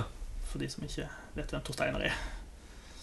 Å ja, sånn ja. Jeg trodde at du sa til meg nå at han er ferdig, eller noe sånt. Nei, Han har vel for så vidt en annen rolle nå enn han hadde ja. før. Men Ja. ja. Ja, er Han- han jobber eh, fortsatt med Gamer. Grunnlegger og leder av Telia-ligaen, eller Ja, eller noe sånt. sånt. Ja Something Something e-sport. Something, something e-sport, ja.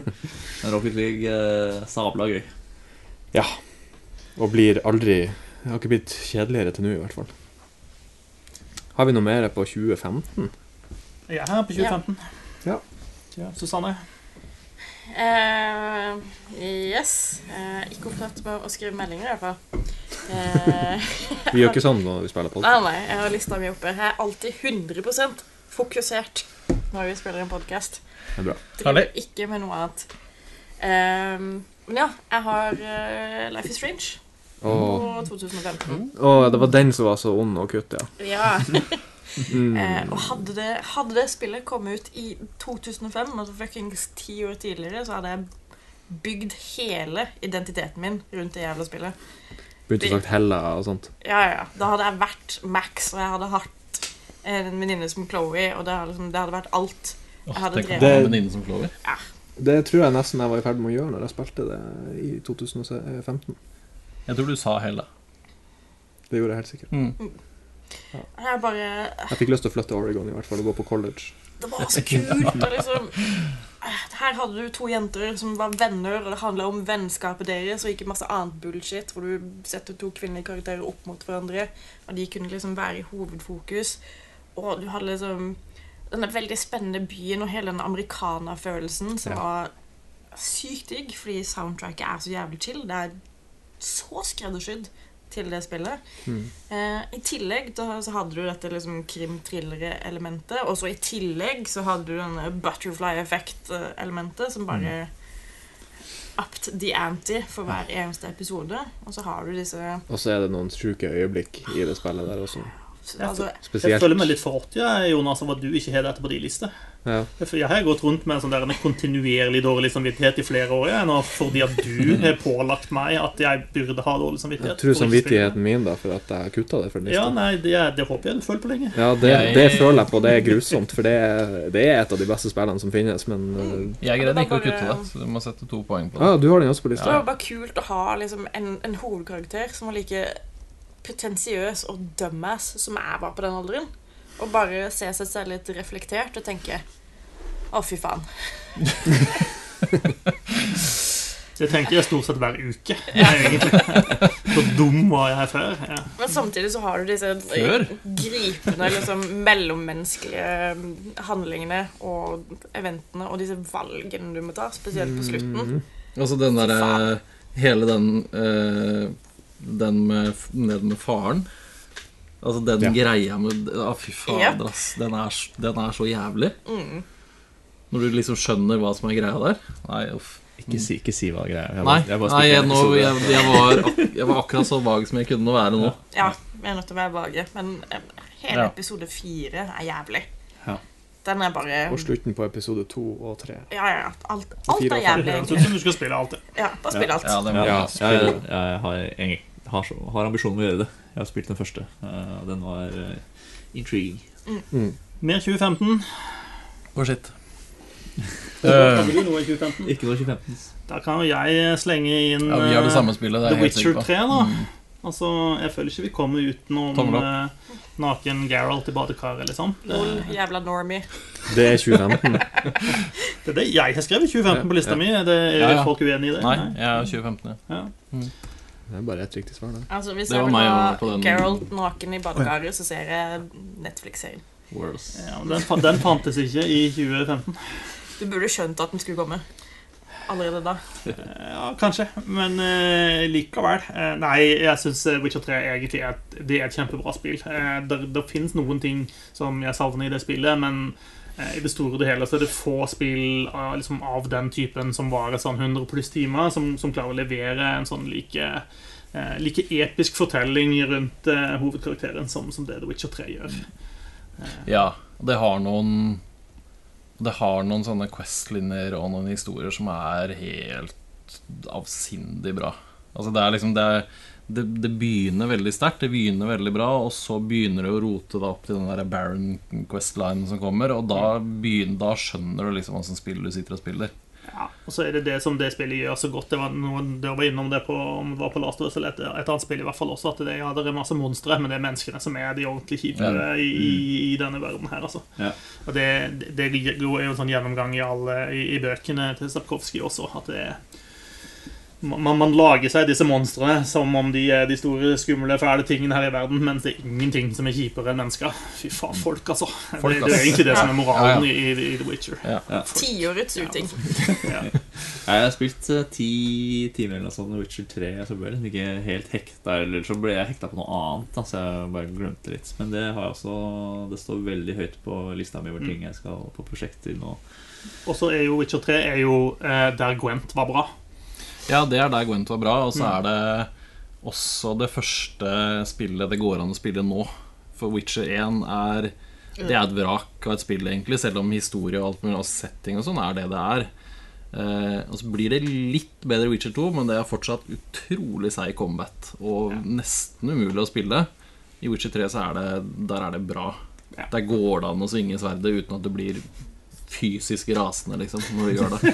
Kom, kom prøvde vel nylig en meg, 4K-greie til det også, mener jeg på. jeg prøvde meg på Witcher 2. Det var på sånn, etter en time så var jeg bare sånn Vet du hva? Dette er ikke verdt det. Jeg orker ikke. Nei. Det er veldig godt å høre, fordi det er den eneste erfaringa jeg har med Witcher-serien. Det var at jeg spilte The Witcher 2 i et par timer dagen etter at jeg hadde bestemt meg for å prøve å slutte med snus. Og det er det verste jeg har vært med på, for det var bare Det var hodepine og tunnelsyn og Det kan ha vært spillet, faktisk. Ja, det, det var det Det som var litt digg å høre, men da skulle jeg jo bare fortsette å ikke snuse, da. egentlig.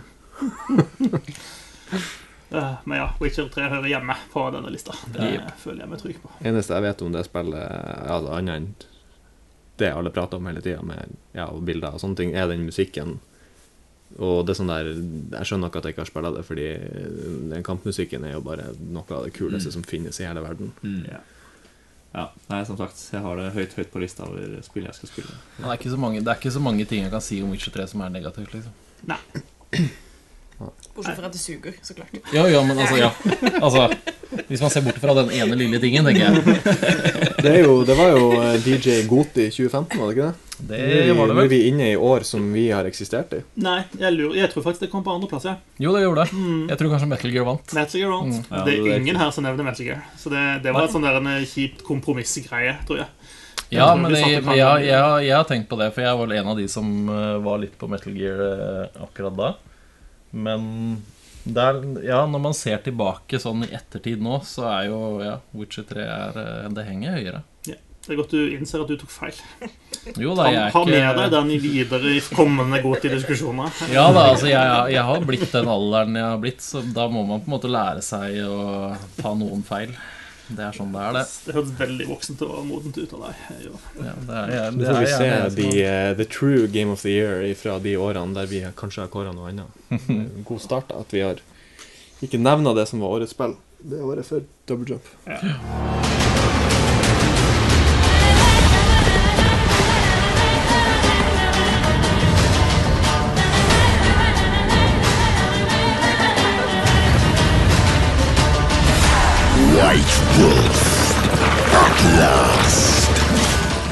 Nå er vi i hvert fall halvveis i poengutdelinga. Ja, Vi, er- vi er jo fem stykk med ti spill, og da er det 50 poeng. Og nå har vi delt ut 25. Det er fortsatt 2013 som er leder. Da hopper poeng. vi til 2016 med en gang, tror jeg. Let's do Ja, it. ja, ja. Der har jeg flere. Det er Kjipt kjip spill der. Jeg har ett spill der. Ja, hva har du der, da, Jonas? Uh, der har jeg The Witness. Ikke Uncharted 4. Jeg har eh, Og det to spill og en runner-up, faktisk. 2016 var et bra år. Det var et ganske bra år. Jeg har tre spill. Det er det, det, det er det rareste året mitt på lista, for jeg drev og bolda Altså tok eh, og liksom utheva spill jeg syns var, som var sånn Ja, dette tror jeg kanskje kan leve.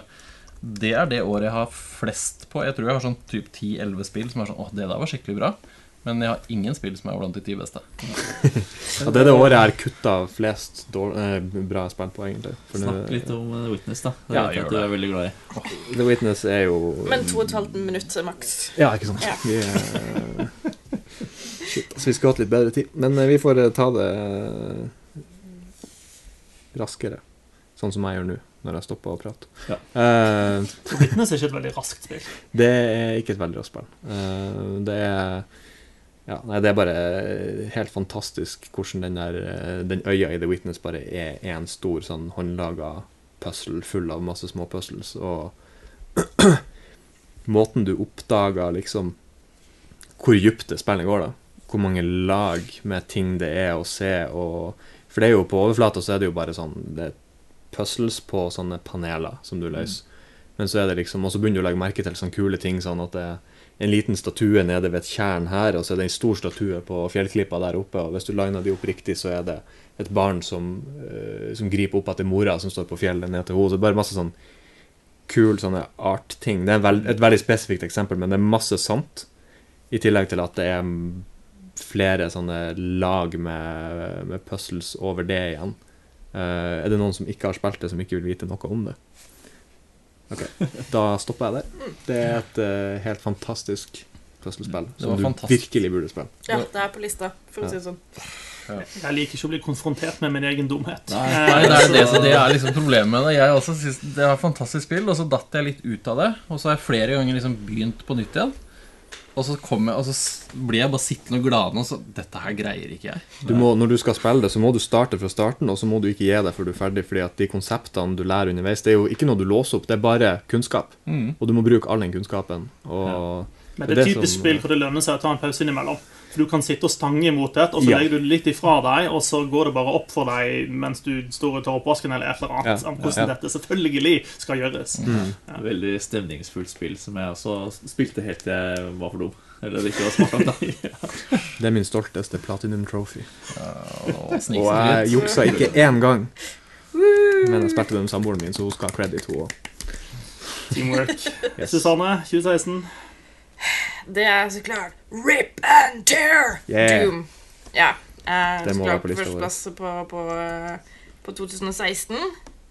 Eh, hvis du leser anmeldelsen min på gamereactor.no, så har jeg gitt det syv av ti. Oi. Eh, det var en løgn. Eh, fordi jeg spilte det på nytt ikke lenge etterpå, og da var det helt klart et 11 av 10-spill. Ja. Eh, første gang jeg spilte det, så hadde jeg en veldig tight deadline. Og jeg sånn herre er for mye hjerteinfarkt. Orker ikke. Syv av syv av ti. Eh, så jeg spilte det Jeg måtte spille det i intervaller, sånn 40 minutter av gangen, fordi du blir så jævlig stressa. Ja, det er eh, high octane. Mm. ja, ja, ja, det er high octane. Og det er Du er et jævla godstog, Yes. og alle demonene er livredde. Ja, og det er så fuckings gøy! Jeg driter i historien. Jeg driter for så vidt i karakterene. Det er en bra historie, faktisk. Ja, den Det er er en jævlig bra historie. Den er ganske kunne vært mye verre. Eh, men det er liksom Dette er bare gøy. Ja. Jeg liksom nyter hvert sekund, og hver skalle river i to, liksom. Det spillet, da stilte jeg ned lydeffekter og sånn ganske lavt, sånn at musikken skulle være mye høyere, og så bare stilte jeg opp anlegget så høyt jeg klarte. Altså, Passa på at jeg var alene, så jeg kunne spille så høyt jeg ville. Det soundtracket sånn, er I leiligheten, ja. I- i leiligheten. Så Ikke i bygget, dessverre. ja. Jeg setter gjerne på Doom-soundtracket når jeg spiller andre spill, bare for å liksom bli, bli litt mer pump, da, hvis jeg spiller Destiny Animal 2. Crossing. Animal Crossing. Ja, ja. Uh, Life is Strange. Uh. Bare for å innse hvor kjedelig alle andre spiller. Nei, jeg hører mye på det når jeg spiller eh, Eller når jeg trener. Eh, eller hvis jeg skal gjøre kjedelige ting som å løpe eller gå eller sykle eller whatever. Uh, Doom-soundtracket gjør det mye, mye gøyere. Og også Destiny, hvis jeg må spille liksom high octane stuff som Crucible, som jeg hater fordi jeg er så jævlig dårlig i det. Eh, så er det greit å ha liksom Doom soundtrack og bare liksom Gonna kill some demons. Så jeg hører at Doom er liksom stressende og opp eh, eh, for, for, for liksom gang på ting, men altså, har du fått en koalisjon mot deg i Europa Universals 4 noen gang, ass? Med. Doom-soundtracket bak. Da Da er det kjørt, ass. Jeg har ikke det, men uh, jeg tviler på at det er i nærheten av like gøy som det er å spille Doom. Du skal få lov å tvile. Eh, Du tar fortsatt feil. Uh, Gjøran, 2016. Nei. Nei. Du kutter alt, du, Håvard. Ja, du skal bare overse Game of the Year 2016 Overwatch. Ja. Jeg gjør det. Jeg overser Overwatch og Doom, og det er litt rart. Men jeg Du gjør kan skrive opp meg også på Overwatch. Er.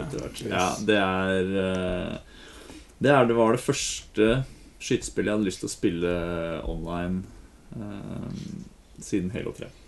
Altså, Jeg liker fortsatt ikke skytespill, jeg, men eh, jeg spiller jo Overwatch ukentlig. Ja. Og det um, var bare noe med utrolig kule helter. Eh, vellagde helter, liksom eh, med dype backstories som ikke nødvendigvis kommer så tydelig fram i spillet, men som det er et svært univers da, i Overwatch. Som jeg elsker å grave ned i og lære mer law. Og, og nå er jeg sultfora på law, fordi det har ikke kommet noe nytt eh, på, på lenge. De forbereder seg på Overwatch 2. Så er de så sykt koselige, de heltene. Mm. Altså, De er Mange koselige, og de er morsomme, og altså, sjøl de som liksom skal være Reaper er skikkelig koselig. Ja, men altså, Han er et godt eksempel, fordi at ok, her, er han skal liksom være døden sjøl omtrent, men så, så, så amper de det opp til å bli litt sånn tøysete og nesten litt Cartoony søtt. Like. Ja, nettopp. Ja. Eh, Så de klarer liksom den vrien på, på stort sett alle. Ja. Eh, Og de interaksjonene mellom heltene når de er liksom i spawnrommet der og, og sånn. Kjempegøy. Som bare er sånn Det er sånn små drypp da av relasjonene de heltene har til hverandre. Det er ikke alt som skjer i spill, det er ikke canon nødvendigvis. Um, men det er bare sånn Det er sjukt koselig, liksom. Ja. Så er det Det er dynamikken når du spiller sammen med Ja. venner og sånn som gjør det spillet. Ja. Det eneste drawbacket er at du ofte må forholde deg til andre mennesker i verden, og det, det er Ja. jo alltid negativt. Ja. Men eh, Når man er, når er en seksergruppe, som vi eh, er da med litt ujevne mellomrom, kjempegøy. yes. Eh, year. Lyddesign of the year. lyddesign. Helt nydelig. Ja. Ja, det er, jo, altså, det er jo helt essensielt da, i et sånt spill. Og det er jo Blizzard. Det er jo, jeg tror litt av grunnen til at det har blitt så ekstremt populær, er at de har Altså, de har gjort lydene og alle de callene de har på Ults og alt mulig sånn, de har gjort det litt lettere for folk å lære det. Det er litt sånn lavere terskel for å liksom komme inn og skjønne hva som skjer i det spillet. Mm. Det som gjør at det er, Selv om det er altså, Ja, du kan bli så god du bare vil, og det, er jo, det finnes jo folk som er Ja, Sa- er jo helt eh, Ja, de er veldig gode, og Alle de er heltene har jo veldig sine, tydelige. sine egne altså, fottrinn, Ja, ja. så du kan høre hvilke Ja. helter er det som kanskje driver og sniker seg rundt i nærheten av det. Sånn, nei, det er helt nydelig. Overwatch. Og, ja. Relativt korte kamper uh, som det går relativt fort å komme inn i. Eller akkurat over tid er det veldig høylange queues, da, men ja. Det gjør det veldig lett da å spille mer og mer og mer. og mer, og mer, og mer. Det er veldig kult. Veldig, veldig kult. avhengighetsskapende. XCOM 2 har jeg på lista 2016. Så klart. Shit. Hvorfor har ikke du det, Jan? Nei, altså Det var tiåret, da. No, et eller annet sted måtte jeg ta, ta bort spillet, jeg også. Ja. Ehm, ja. Og likevel så har du to Dark Souls-spill. ja, fordi de er fortsatt bedre enn de, det vi har nevnt nå. Oh, wow. XCOM 2 er et utrolig bra spill. Eh, av også i, i en sjanger som, Det er en sjanger som mange egentlig trodde var ganske død og begravd. En sånn der, en taktisk turbasert eh, spill. Eh, det var nesten bare noen sånne rare japanske spill som kom ut på rare håndholdte plattformer, som, som, som fortsatt drev på med sånt, Fire Emblem. for eksempel. Eh, Yes. Mario Rabbids Kingdom Battle. ja, den kom jo etter hvert. Ja. Eh, men den kom vel etter, etter XCOM 1, i hvert fall.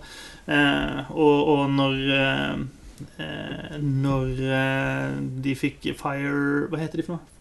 Det sto helt stille i hodet mitt. De som lager de spillene, i hvert fall. Eh, Fireaxis heter de. Fire Eh, når de først lagde Eller fikk gang igjen XCOM-sjangeren etter den hadde ligget brakk i 15 år, eh, så gjorde de det med et ordentlig brak. Eh, og når XCOM kom ut, så var det sånn Wow, det går faktisk an å modernisere dette og gjøre dette på en måte som er gøy og appellerende for spillere i dag. Eh, og det var skikkelig kult, men XCOM 2 bygger videre på på det gode arbeidet og liksom perfeksjonerer veldig stor grad og setter standarden. Og vi har sett i årene etterpå Det har det har kommet mange spill ut nå i den sjangeren. Eh, og da er det veldig lett å tenke at å, det spillet er jo gøy, for jeg liker jo den typen spill. Men det er ingen av de andre spillene som klarer å levere den samme dybden og den samme tilfredsstillelsen som det XCOM 2 gjør. Eh, så det er ikke bare enkelt å tenke at vi slenger ut et eh, sånn turbasert strategispill, så er det gøy. Eh, fordi det XCOM gjør, er å ha en sånn en dybde. Og de har, XCOM 2 er spesielt flink til å ha en eskalering gjennom hele spillet. Du får vanskeligere og vanskeligere fiender med nye features, samtidig som du og ditt team får nye ting de kan gjøre liksom fra starten av og hele veien til slutten. Eh, og du må hele tiden på en måte lære deg og disse nye featsene helt til liksom, du må bruke alt eh, på slutten. Så det er nydelig, nydelig gjennomført. Ja, de har funnet de har, de har greid å finne den perfekte perfekte, Perfekte. perfekte balansen mellom Nei, det er liksom akkurat nok av ting i XCOM 2. For det er en del av de spillene som Her er det masse nye mekanikker, og du har liksom altså, De har lagt til altså Det er liksom XCOM-kjernen, og så er det mer systemer rundt, eller det er flere valg i combat. Og da, da blir det ikke den samme tighte spillopplevelsen. Så det er liksom De har De har funnet liksom den balansen i XCOM 2 der som er helt Selv om det er når du liner opp et skudd som har 97 sjanse for å treffe, og så bommer du på det forbanna skuddet, og så dør du. Ja. Altså, De øyeblikkene det er noe av det verste som fins i spill generelt. Punktum. Men allikevel så er det et bra spill. Det var en eller annen sånn, om det var The Onion eller noe tilsvarende, så hadde en sånn sak nylig på at eh, XCOM-spillere stoler ikke lenger på at 97 er, er høy sannsynlighet for at noe, noe kommer til det. Alltid tvil! Ja, nei, eh, artig. Hmm. Eh, Er det flere som har 2016-spill? Yes. Ja, Susanne? Jeg har en uh, potensielt uh, ny kontrovers. Oh. Dette er spillet som uh, Control måtte vike for. Og det er Quantum Break. Oh. samme utvikler. Oi. Droppa du Control for Quantum Break? Jeg gjorde det. Eh, Og du har også droppa Alan Wake, tydeligvis. da Yes. Eh, Control, helt klart et bedre spill teknisk, som har jævlig mye bra for seg. Men Quantum Break har et nesten perfekt slash vanntett eh, tidsreisenarrativ som faktisk gir mening, i motsetning til tidsreisenarrativet i Bioshock Infinite. Hey. Um, Jeg syns tidsreise generelt er bullshit-konsept i utgangspunktet. Altså, nesten alle ting med tidsreise i misliker jeg. Ja, det er veldig få som greier å få det til på en tilfredsstillende måte, men Quantum Break er en av de. Eh, For det første så har de skrevet jævlig bra manus, og de har fått manuset sitt faktasjekka av en foreleser ved CERN i Sveits. Som har gått gjennom Han har reist i tid. Ja.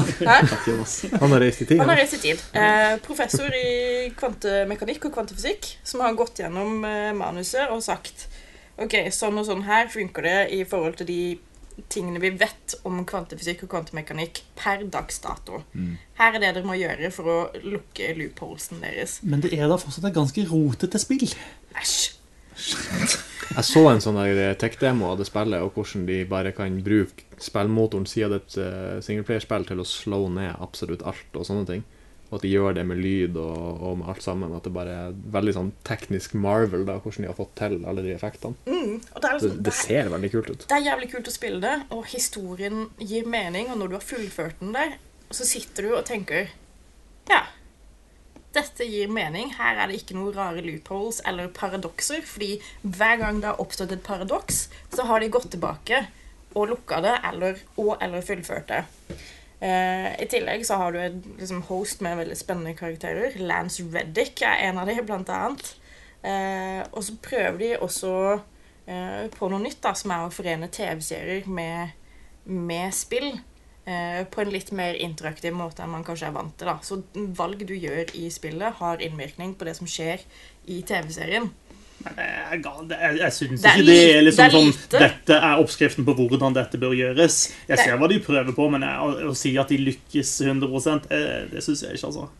Nei, altså De lykkes ikke 100 overhodet ikke, men de prøver på noe som er jævlig kult.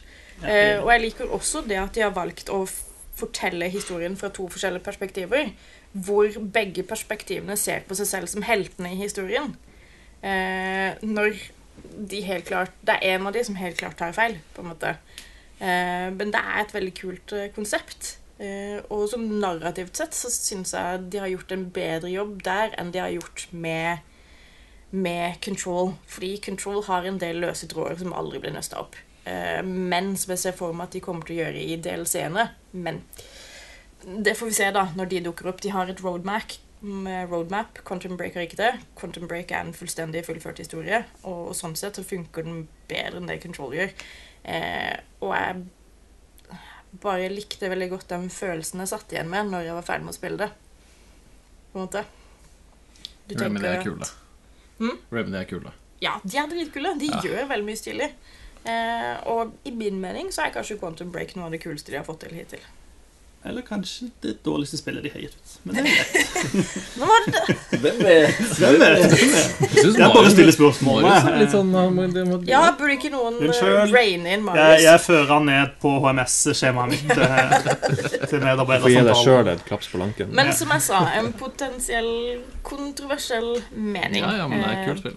Ja. Altså, Jeg har stått på Bergen offentlige bibliotek og fortalt om hvor flott eh, Quantum Break er. Så det er ikke det at jeg misliker det spillet veldig mye. Eh, bare, jeg har sett masse tidsreisefilmer, lest masse science fiction. Og av alt jeg har lest og sett, så er dette det som kommer nærmest det jeg ser for meg ville gitt mening i den virkelige verden. Hvor de tar for seg alle disse idiotiske paradoksene som gjerne oppstår i f.eks. The Butterfly Effect, da, eller eh, Jeg foretrekker Day of the Tentacle. Eh, Det er en- er tidsreise som jeg forstår. Ja. Mer 2016. Jeg, jeg har mer 2016. Ikke Har du det? Ja, denne Jeg hadde ikke trodd at dette året skulle Jeg har en runner-up. Ja. Kan jeg gjette? Du kan få lov å gjette. Darkest Dungeon. Faktisk ikke. Nei, det Uncharted 4. Nei. nei. Ehm, nei, og det er litt sånn eh, Dette er egentlig en som jeg har slitt litt med uh, på lista. Uh, fordi det er litt vanskelig egentlig å tidfeste den. Men det er Hitman.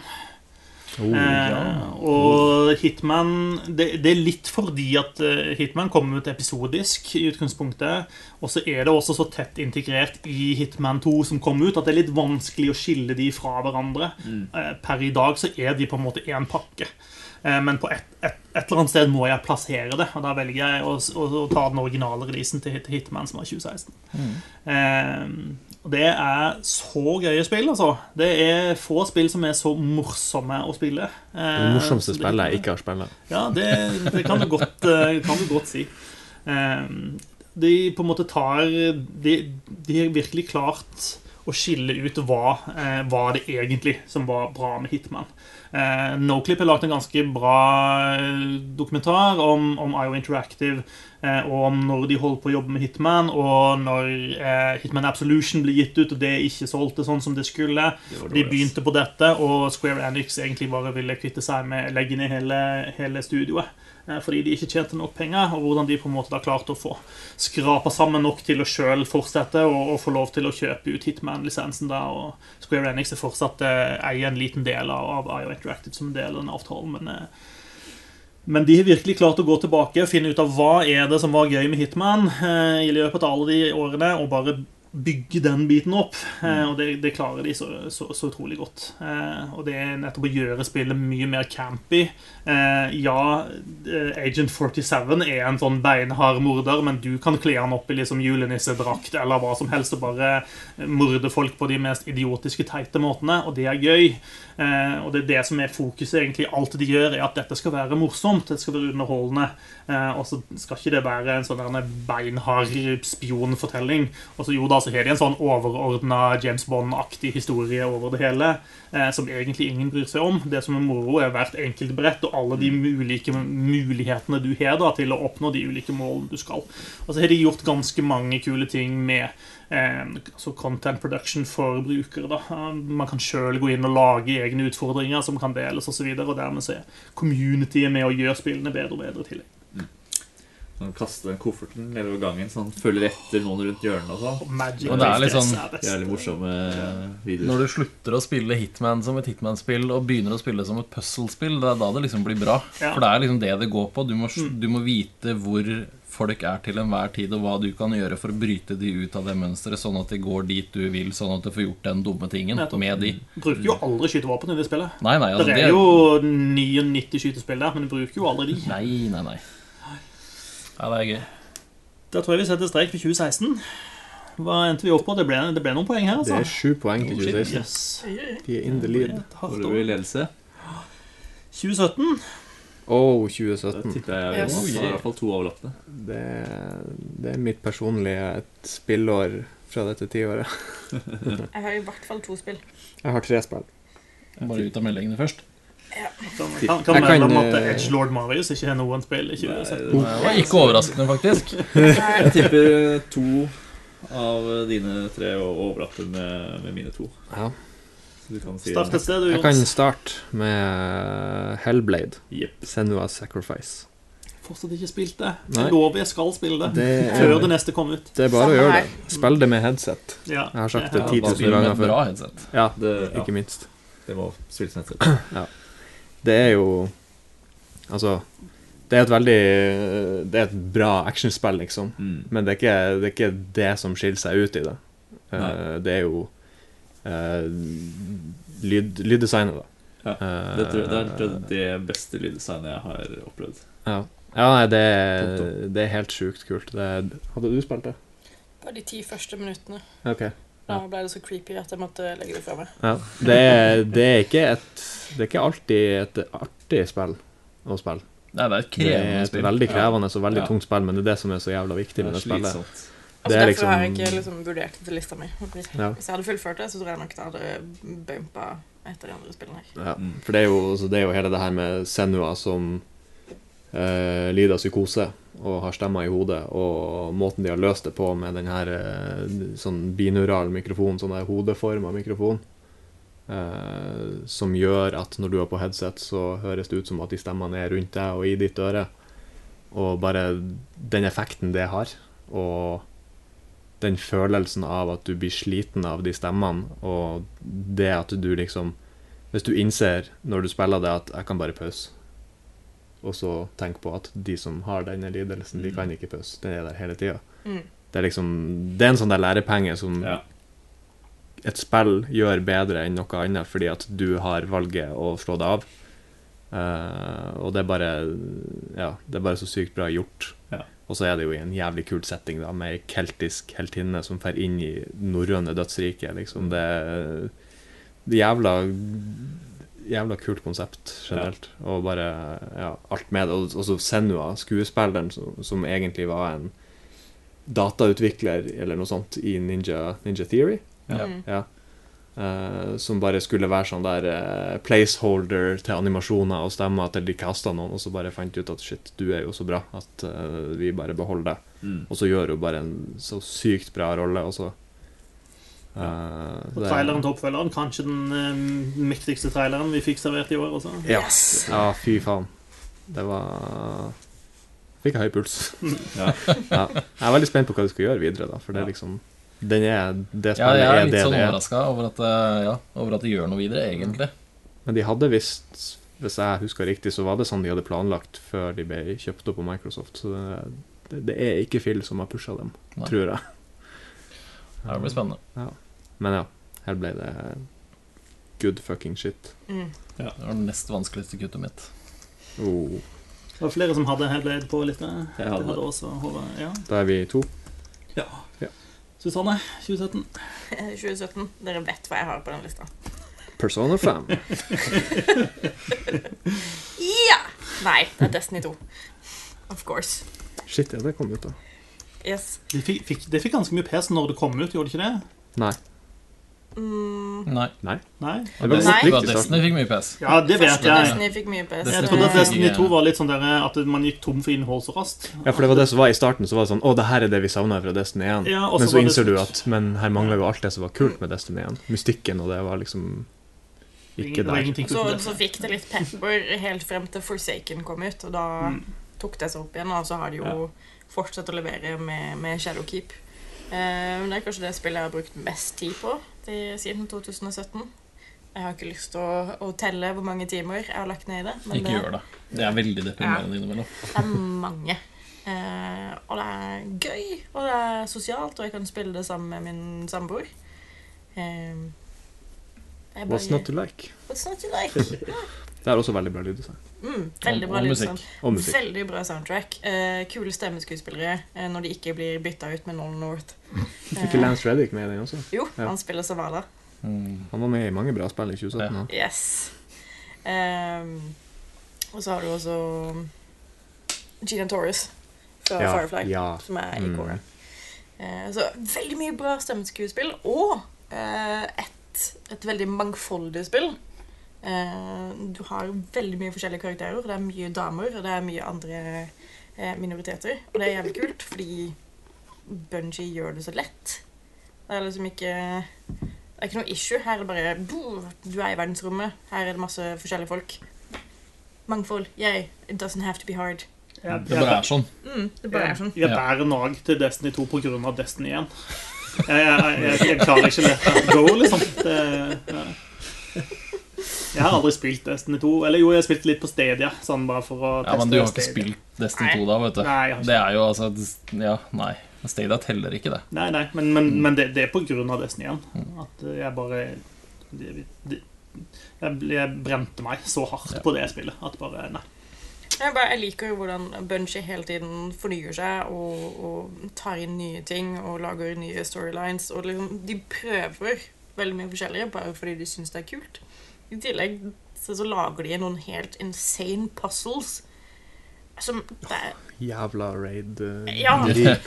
Altså, ikke bare raidsene, men altså disse fellespuzzlene du kan delta i utenom raidsene også, sånn som Black Armory og nå um, eh, Den nye. Sun, ja, Sundial, Sundial eh, Corridors of Time, hvor du har liksom bare sånn Du har tusenvis av mennesker som sitter oppe i tre dager i strekk for å løse For å løse kodene, og bare Det er så massivt. Det, det må sitte så mye arbeidskraft bak det, og bare sitte og tenke ut drit. Og jeg er liksom Det gjør det nok. Ja, jeg er, bare, jeg er så jævlig imponert. Ja. Det er ikke verdens beste spill, på langt nær. Det er mye som er feil med det, men holy fuck. Det er Ganske deilig skytefølelse. Am I right? Yes. Oh, det er bare å tenke på. helt For de som velger står å, tatovert i panna til ørene. Ja. for de som velger å bruke Ja. skytevåpen. Jeg, bruk, jeg bruker nevene. Jeg spiller som Titan. Ja, Eh, sjæl, ass. Titan or bust. Yes. Det er en god punchefølelse også, eller? eller? Ja, fy faen. Det er så tilfredsstillende. Og når de i tillegg introduserte de fuckings finishersene, som er bare Det er bare en uppercut, liksom. Eh, Du får mange forskjellige. Ja. Du har liksom du Nå, har, nå må vi kutte Destiny-pratet, for hvis ikke så, Hei, hei, hei. så blir det Destiny du en time. Du har headbutts, du har haymakers, du har flying kicks. Det. Hammer throws! Ja, det er It's good shit. Det blir artig å se hva de gjør nå når de er ferdig med Activision. Ja, altså det har det jo vært siden Shadowkeep. Mm. Så det de har gjort Kanskje det er Destiny 2 jeg skal fylle tiden min med nå. For, for en gangs skyld. For en gangs skyld, Jeg har nesten ikke brukt noe tid på det spillet før. Men Men ja, vi kan, vi kan kutte Destiny-pratet kort der eh, og hoppe over til neste spill. Gjøran, Gjøran. jeg tror vi Ja. har eh, det Er det. Destiny 2? Nei. det, er på, det, det er litt lenger ned på lista. Men altså, det er jo et spill som selvfølgelig må nevnes i 2017, og det er Nier Automata. Yes. Det er det, faen meg. Eh, ja, det var det første spillet jeg skrev ned når jeg skulle begynne med den lista. her Det var Nier Automata. Eh, fordi det er eh, det, det spillet gjorde et eller annet med meg, tror jeg. Jeg vet ikke helt hva det var for noe, men det, det bare Det ødela det. Ja, det, ja, det ødela Og meg så litt. bygde det deg opp igjen. Og så ødela det Ja, kanskje det gjorde det. Jeg skjønner hvor du vil hen nå. Men jeg er ikke helt enig i det. Men eh, nei, det er Altså hele, hele verdenen og historien og måten de bruker Måten de bruker det at du spiller et spill til å fortelle en historie og liksom formidle følelser og sånn, det er eh, i et sånn type spill, Ja. liksom. Og nok en gang det her med fortelle store konsepter med fortelle smått. Med de, de karakterene man, man er. Og ja, det, det husker jeg jo, det spillet. At jeg, jeg angra jo på at jeg ikke spilte det før vi hadde Game of the Year-greien vår. For den havna jo ikke der den skulle ha vært, og den skulle jo vært på toppen. Eh, men ja, hele den der Hvordan de bare ser på, eller hvordan Yoko Taro ser på hele sånn eksistensialisme og identitet og krigføring og alt det her, og hvordan det bare liksom Fra utsida så er det et spill som handler om eh, hva, hva er en robot. Mm. Og så er det bare roboter med i det, og så blir det uansett hva er menneske, liksom. Ja. Og bare måten det gjør det på, og Det er så mange sånne små For det, det er de småhistoriene med triste roboter som, som har funnet en identitet når de egentlig ikke er programmert til å gjøre det. Bare det, Pascal, for eksempel. Ja, ja, Pascal Den der historien hans er bare helt forferdelig om uh, uh, Kan jeg si det veldig fort? Ja. Det- Han er jo en pasifistrobot som har funnet ut, at, funnet ut selv at jeg vil ikke være med på denne krigen som jeg er programmert til. Og så har han liksom etablert seg en egen landsby ute i skogen der han har masse kids som han oppdrar og lærer hans ways of pacifism, selv om han er en krigsmaskin. Ja, Uh, ja, ja. Altså, dette er jo menneskets undergang når roboter slutter å gjøre det vi er programmert til å gjøre. Ja, Ja. og det er liksom eh, han, han lærer disse barna konseptet frykt. Fordi at han mener at det er viktig som en pasifist at du skal være redd for at sånne ting skal skje. Du skal prøve å unngå det. Mm. Men det backfirer jo som faen, fordi at når den landsbyen blir angrepet, så blir disse ungene så redde at de tar livet av seg. Og så blir han bare helt sånn her Han bare blir helt eh, katatonisk og er sånn der Du må, gjøre, du må drepe meg. Jeg kan ikke leve. Det her går ikke. Og da kan du liksom velge å enten la han være, som er helt forferdelig, og da ser du han aldri igjen. Eller du kan velge å drepe han, eller du kan prøve å wipe minnene hans. Eh, og da er det selvfølgelig wipe minnene. Det er jo det beste. Mm. Men hvis du da går tilbake til landsbyen senere, så er han tilbake i sin faste rolle som liksom salesman i den landsbyen. Og da selger han robotkjerner som er tatt ifra disse barna som tok livet av seg. Uten at han vet Og det er den tristeste jævla historien i et spill. Og ja. Og så er det anime bullshit-musikk og stravaganza og Ja, ja. platinum gameplay og hele greia, så det er bare Ja. Altså, det er, ja, det er en sånn eh, animasjonsfryd der, med alle, disse, alle de små, finurlige detaljene de har, og det er Nei. Mm. Det er Ja. Jeg elsker det spillet. Ja. Jeg kommer mest sannsynlig aldri til å spille igjen, bare for å la det være sånn som det er, men Mm. fy fader, for et spill. ass. sikkert lurt. Håvard? Yes, Da er det jo et eh, spill til som må nevnes i 2017, og det er eh, Legend of Zelda, Ja. Breath of the Wild. Jeg tror du skulle si noe annet. Sju sju av ti-spillet. Breath of the Wild. Seks av ti, eller noe. Seks av ti, det var ja. Yes. Det er jo Ja. knapt eh, spillverdig, det. Hvor ble det av den der liksom vi skulle rose og snakke pent og sånn? Jeg synes jeg Det er ikke jeg som ga seks av ti til det spillet. Nei, men det er du som drar det opp. Ja, Eh, og det, jeg syns det har sklidd ut litt sånn generelt her. Men eh, ja. eh, ta, ta selvkritikk. Breath of the Wild. Eh, Good ass game. ja, fy fader, for en åpen eh, verden eh, det er. Ja, det er er spiller, spillerfrihet, eh, definisjonen på Ja, det er på det. Ja. Det er det. Og Og eventyr og oppdagelse og kult at det er sånn de har turt å ta et, et stort steg da, vekk fra sånn Zelda-spill skal fungere. mm. Um, Ja, det- Hvor du må gjøre noen sånne greier på platået der i starten. Um, og når du er ferdig med det, så Vær så god. hva skal du gjøre? Hva, Ja. hva skal jeg gjøre nå?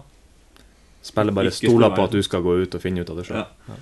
Så jeg tråkka jo rett bort til gamen jeg først eh, jeg gjorde, eller prøvde å gå i den retningen. da Han er jo selvfølgelig eh, vokta med store, stygge Guardian-robots. Der ble jeg grilla ganske fort. Um, Og så sverger du å komme tilbake igjen når du har fått Ancient Arrows, og bare wipe Ja. de totalt. og det, men altså, det spillet ikke, ikke lurer deg, liksom, det får deg liksom til å spille spillet sånn spillet skal spilles. Eh, hvor du alltid sånn lurer deg opp i høyden. Og når du står der, så ser du at der er det et eller annet som lyser, og der er det et eller annet som lyser. Og så ja, Fuck, jeg bare går dit. Mm. Og når du kommer dit, så er det et annet kult der. Shrine eller et, et eller annet Koroksid. eller- korok eller et eller annet du møter, og et eller annet å gjøre. Det er bare en stor lekeplass. Ja, det er det. Og så er det liksom de i høyden igjen, altså Shit, det er så jævlig interessant. Nå skal jeg gå dit. ja. Det de legger opp til at det er liksom Det er sånne type punkter du ser ute i verden Mm. du går etter. Det er ikke kartet. Mm. Og så er det ikke waypoints på kartet. Du fyller ut kartet Ja. når du drar og oppdager ting. Ja. Og det er, så, det er så sykt deilig måte å gjøre det på. Mm. Uh, jeg har det jo ikke på, på lista mi, men Og det er jo egentlig fordi at jeg savna litt de gamle Zelda Dungeonsene og litt sånne Ja. ting, og ting under bakken og sånn her. Ja. Men for det de går for, så har de virkelig gjort det gjennomført. Det er Ja. bare mitt, mitt Zelda-hjerte som, som savna et eller annet når jeg var ferdig med det. Ja. Selv om jeg var ekstremt hypa på det når jeg spilte det, og det er jo et fantastisk eventyrspill Ja. uansett. Ja da. Så når, når alt det er sagt, så håper jeg de kommer med mer dungeons eller sånn større Traileren, er jo, traileren til toeren er jo under bakken. Ja. Det er det første man ser, nesten. At de Ja. er under jorda. Mm. Så forhåpentligvis så betyr det Legger opp til et, et annet sted mellom dungeons og shrines. da Ja. Det tenker nødvendigvis være sånn Det kan være flere korte dungeons. på en måte Det er morsomt spill. Det er et morsomt spill. Det er sabla gøy.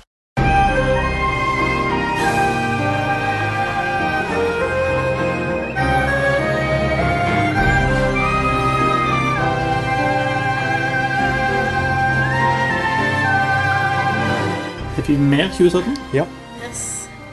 Eh, for det jeg trodde du skulle si i stad, når jeg var klar for å juble, det var Super Mario Odyssey. Ja. Som Det eh, altså er eh, er det helt klart beste Super Mario-spillet som er laga noen gang. Er det ingen som har Eh, Horizon på lista til? Kom ikke det også i Jeg har ikke Horizon på min liste. 2017. Jeg har det heller ikke. Jeg bare Eh, overrasket over ting. Det var eh, Double Jumps Game of the Year det året. Men det var et kompromiss, fordi alle hadde andre hjertebarn. Det var Men vi var enige om at vi likte det. year, det. ja. Det var det. Jo, men alle, jo, men alle likte Totalt det. sett så var likte alle likte det. Ja. Det er et kjempebra Det var, det var ni og opp på alles liste, nesten.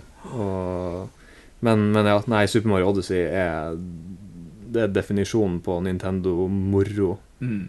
Uh, og jeg syns det, det er mer min smak, min stil, enn Galaxy 2. Jeg hadde Galaxy 2 også ganske lenge på lista. uh, men her føler jeg at de bare har gjort alt riktig. Ja. Med store baner å utforske og små hemmeligheter og belønninger overalt. Jeg tror det er litt tilfeldig at Odyssey ikke ble med. Uh, og jeg tror det var litt sånn fordi jeg har et Mario-spill allerede. Som Ja. var eh, Galaxy 2. Ikke sant? Um, Jeg ser ikke noe problem her, jeg. Ja, nei, det, det er liksom ikke så mye man kan si om det spillet. Nei, men Odyssey, er ja, det er bare, det er gøy. Ja, det er det er gøy spillfryd. med store bokstaver. Ja, og så Ja. er det også det her med at de har sånne kreative konsepter. Og sånn, Mm. eh, Spesielt den der, den der fuglen. den der uh, fuglen med det lange nebbet som du bruker i Bowser Castle. Ja, Pokey, sånt. ja. For å sprette oppover og bare Ja. eh, Det var morsomt. Poke fiender utfor kanten. Og bare masse sånne der ting som bare er dritartig. Mm. Og musikken som er fantastisk. Og det er så deilig at Nintendo Det er ikke så lenge siden de gikk over til orkes orkestermusikk istedenfor midi. For jeg tror det var i Skyward Sword faktisk, så hadde de fortsatt midi-musikk. Men nå når du liksom har Nintendo med fullt orkester, Ja. det har det jo vært siden Galaxy 1 da, i, i Mario, så er det bare helt fantastisk, den musikken. Mm. Uh, ja. Jeg har fortsatt ikke gjort Darker Side of the Moon på det spillet. Men uh, så har jeg det å glede meg til. Men det er jo helt dritmorsom. grusomt vanskelig, da. Jeg har eh, lånt bort eh, til naboen nå for ikke så lenge siden, faktisk. Så jeg er litt med på hans reise gjennom det nå. du er litt sånn spillmisjonær, du. Ja, ja. Ja, ja, ja. Jeg dytter ting over på han. Nå, men nå De er ikke helt på nye automater ennå. Nei, jeg må, jeg må varme den litt opp til det, føler jeg. Det, det krever litt, eh, akkurat det spillet. Eh, men ja, han også Han er sånn 'Å, fy fader, i går så Og så er han helt sånn når han kommer og forteller om uh, Super Mario nå, liksom. Det er gøy. Susanne, du hadde mer på eh, det her enn står 2017.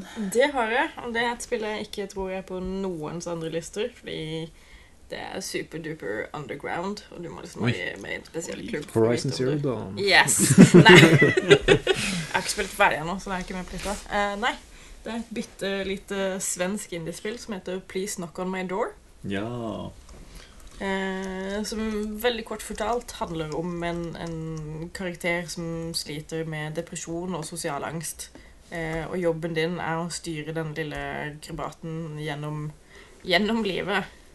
Eh, og prøve å holde han i livet. Så det er som det er en slags trist Tamagotchi, basically, som du skal prøve å Høres ut som Nier Automata, det. Litt sånn Som du skal prøve å holde i live. Eh, og det er ett av to spill jeg har gitt ti av ti. I min tid hos Game Reactor, som er syv år. ja, det er jeg faktisk kjempeinteressert i å prøve. Mm. Det ser Det er, det er kjempebra. eh, og i likhet med uh, Hellblade, Cinema Sacrifice, så gjør det sitt for å på en måte belyse visse men psykiske helseproblemer, da.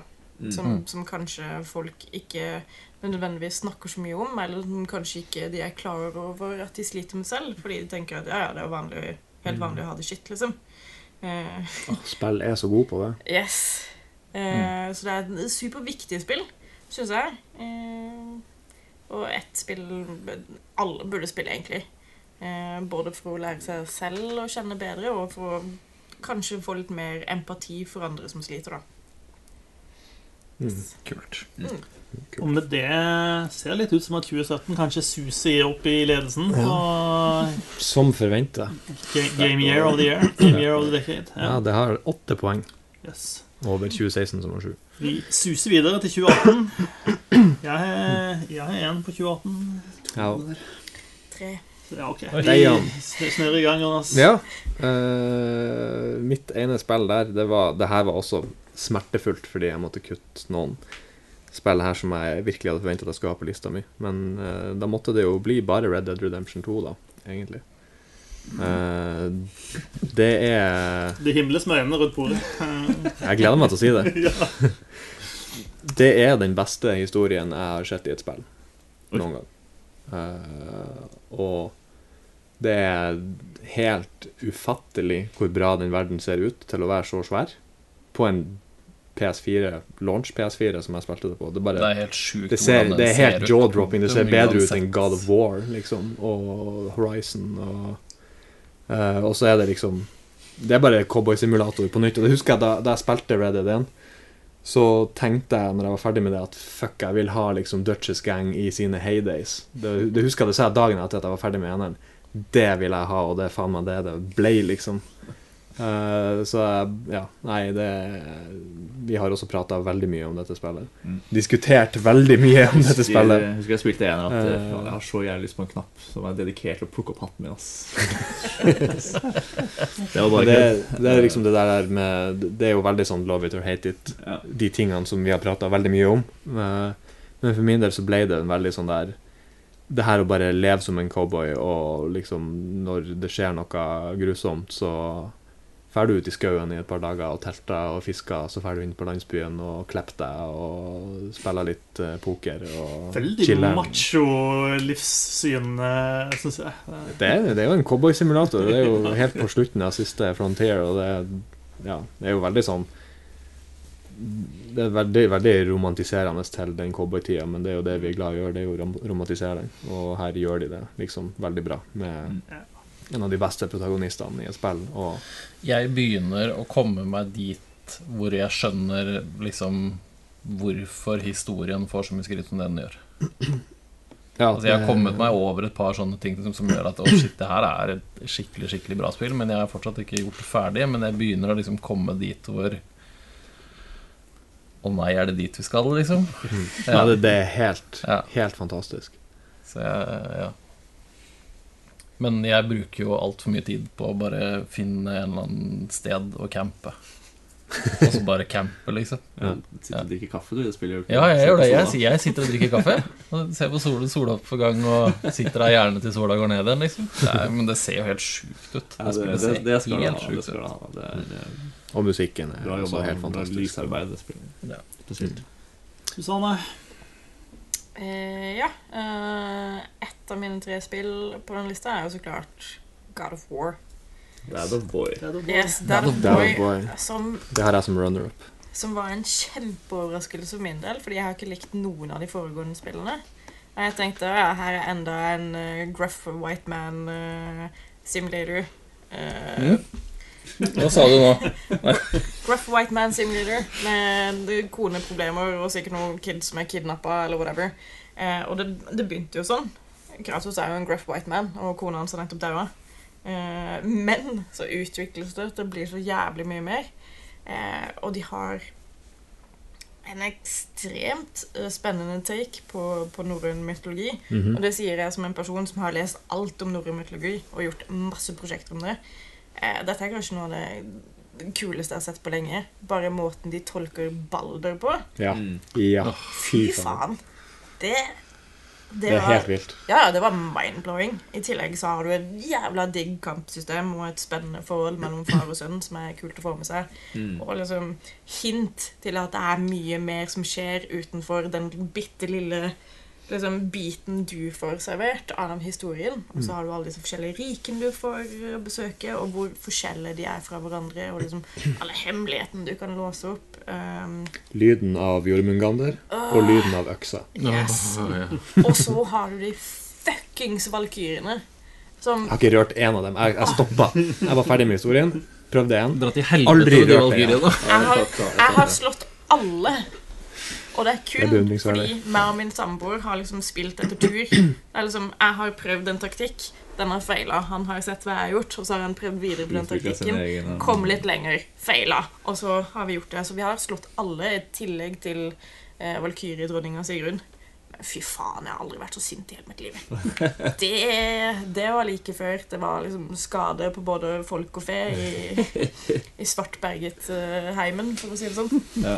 Men jeg, eh, jeg har ikke det spillet på lista mi, men, men eh, Dad of Boy eh, er det første, første God of War-spillet som, som, som jeg syns er interessant. mm, Eh, Jeg syns de foregående spillene har vært eh, akkurat som de bare en sånn macho hack and slash-fest som, som ikke har interessert meg i det hele tatt. Men, Mm. men dette er det masse elementer som er, er skikkelig kule med.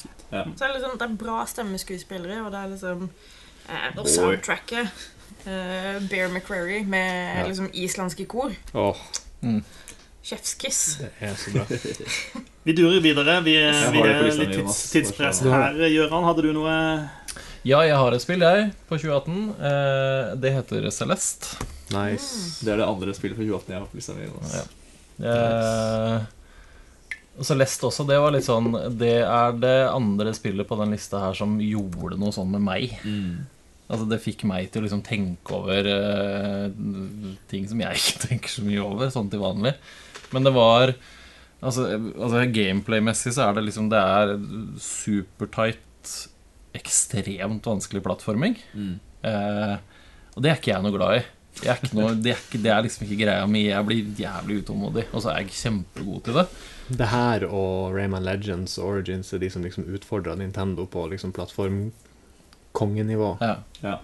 Uh, men det er, det er supertight, og så er det liksom bare hele, hele historien de formidler i det spillet, og hvordan det liksom knyttes sammen med gameplay og liksom jobben og prosessen og liksom prøve og feile, men hele tiden prøve på nytt. Eh, den, den, den var veldig, veldig sterk. Og så er det et Altså, det lydsporet der, det er eh, Det er det beste lydsporet som er laget til spill, tror jeg. Jeg tror jeg kan si det med hånda på hjertet at det syns jeg. For det er helt Det er fantastisk. det er, det er Ja, jeg har hørt Jeg har hørt på mange, mange lydspor på spill, men det er få som går så ofte som Celeste. Det er sånn eh, Det tror jeg nesten jeg hører på hver uke. Mm. Det er helt Ja. Det spillet er eh, Det er, eh, det er veldig spesielt for meg, faktisk. Samme, Ja, samme her. Som redaksjonens største plattformfan, antar jeg, så kommer ikke jeg unna det spillet her som på, topp 10-lista mi. Det er Det Så en bra historie også. Ja, det, det er en fin historie og sånn båndtight gameplay, liksom. Og så kan det være mye sånn ja, The Mountain is a metaphor og bla, bla. Men det er sånn Det er, det er solid plattforming, da. Mm. Det er uh, Nintendo level plattforming, eh, Ja. og at det er vanskelig, da. Du dør hundrevis av ganger. Ja, så dør hundrevis av ganger, og så dør du på sånn typ 0,7 sekunder. Ja.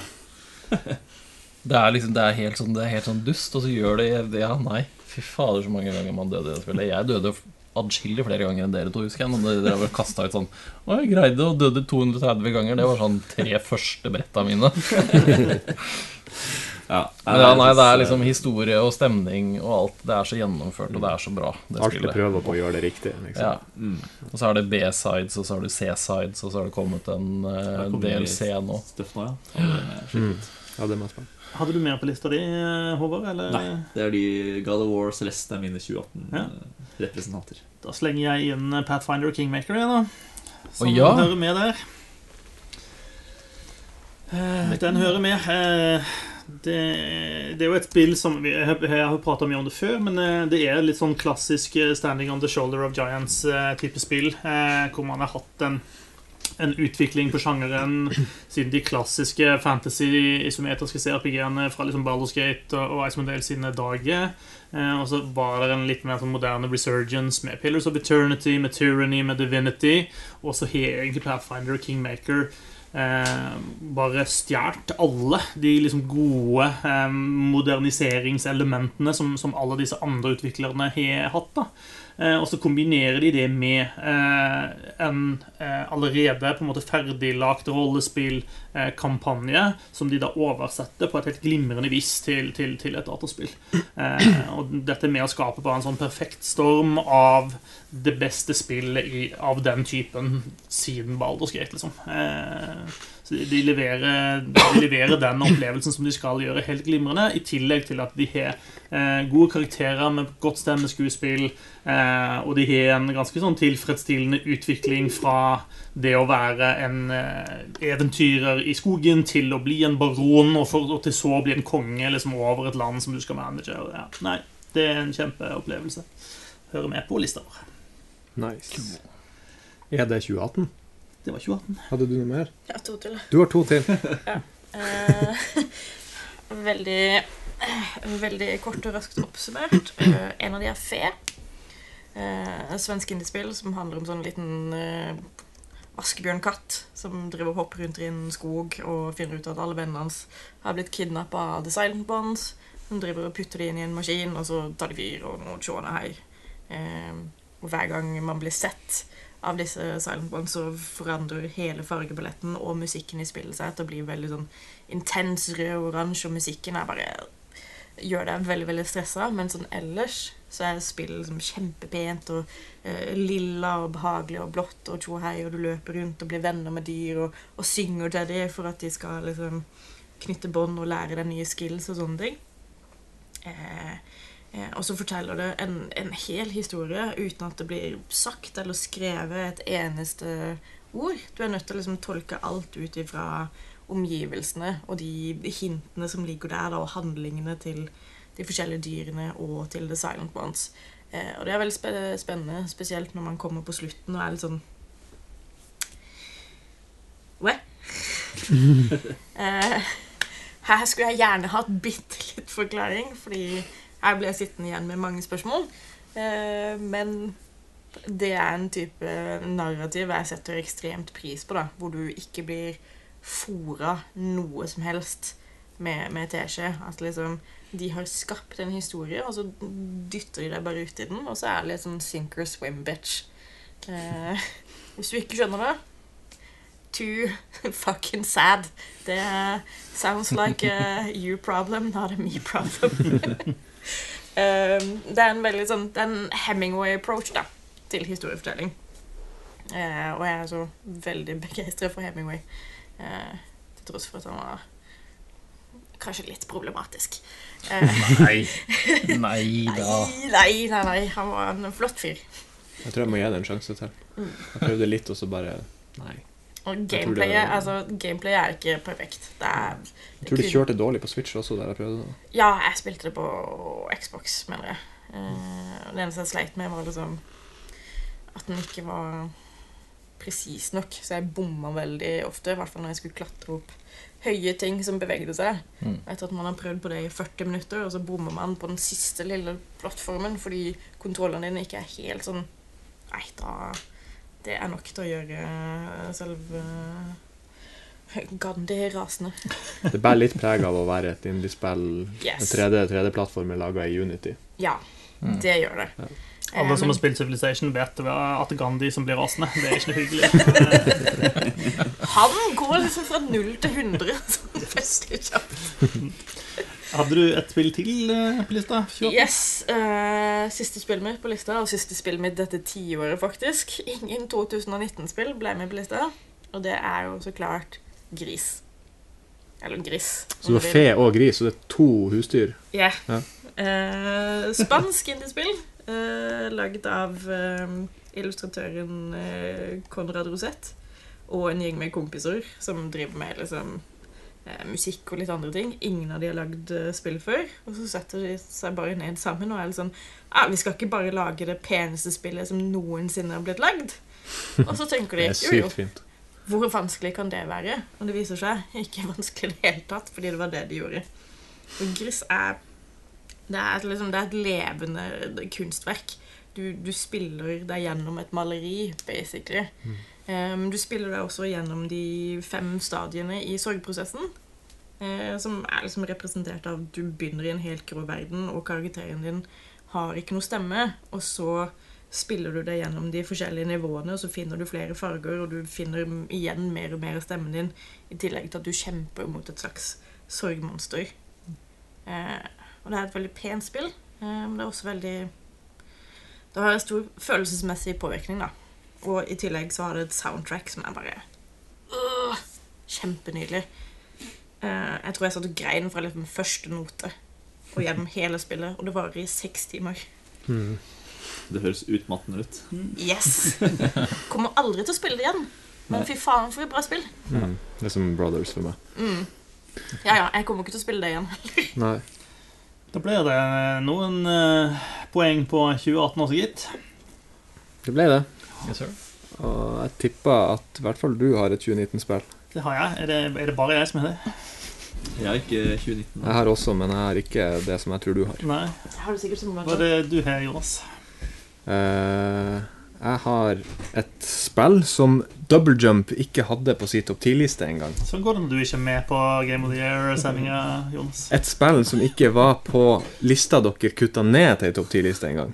Og det er helt sjukt. Så At dere ikke har spillet det. Med. Um, the Out... Nei, ikke The. Outer Wilds. Mm. Vi, vi hadde ikke spilt det, er vel eh, den korte forklaringen på det. Ja. Jeg er veldig lei for Det Det er fortsatt ingen som Ja. har spilt det. Jeg er veldig lei for Det det. er. Det spillet her, Vi, vi er klar over spillet. det er Det er mitt ti, Det er mitt favorittspill fra tiåret. Det er helt Såpass. sinnssykt bra.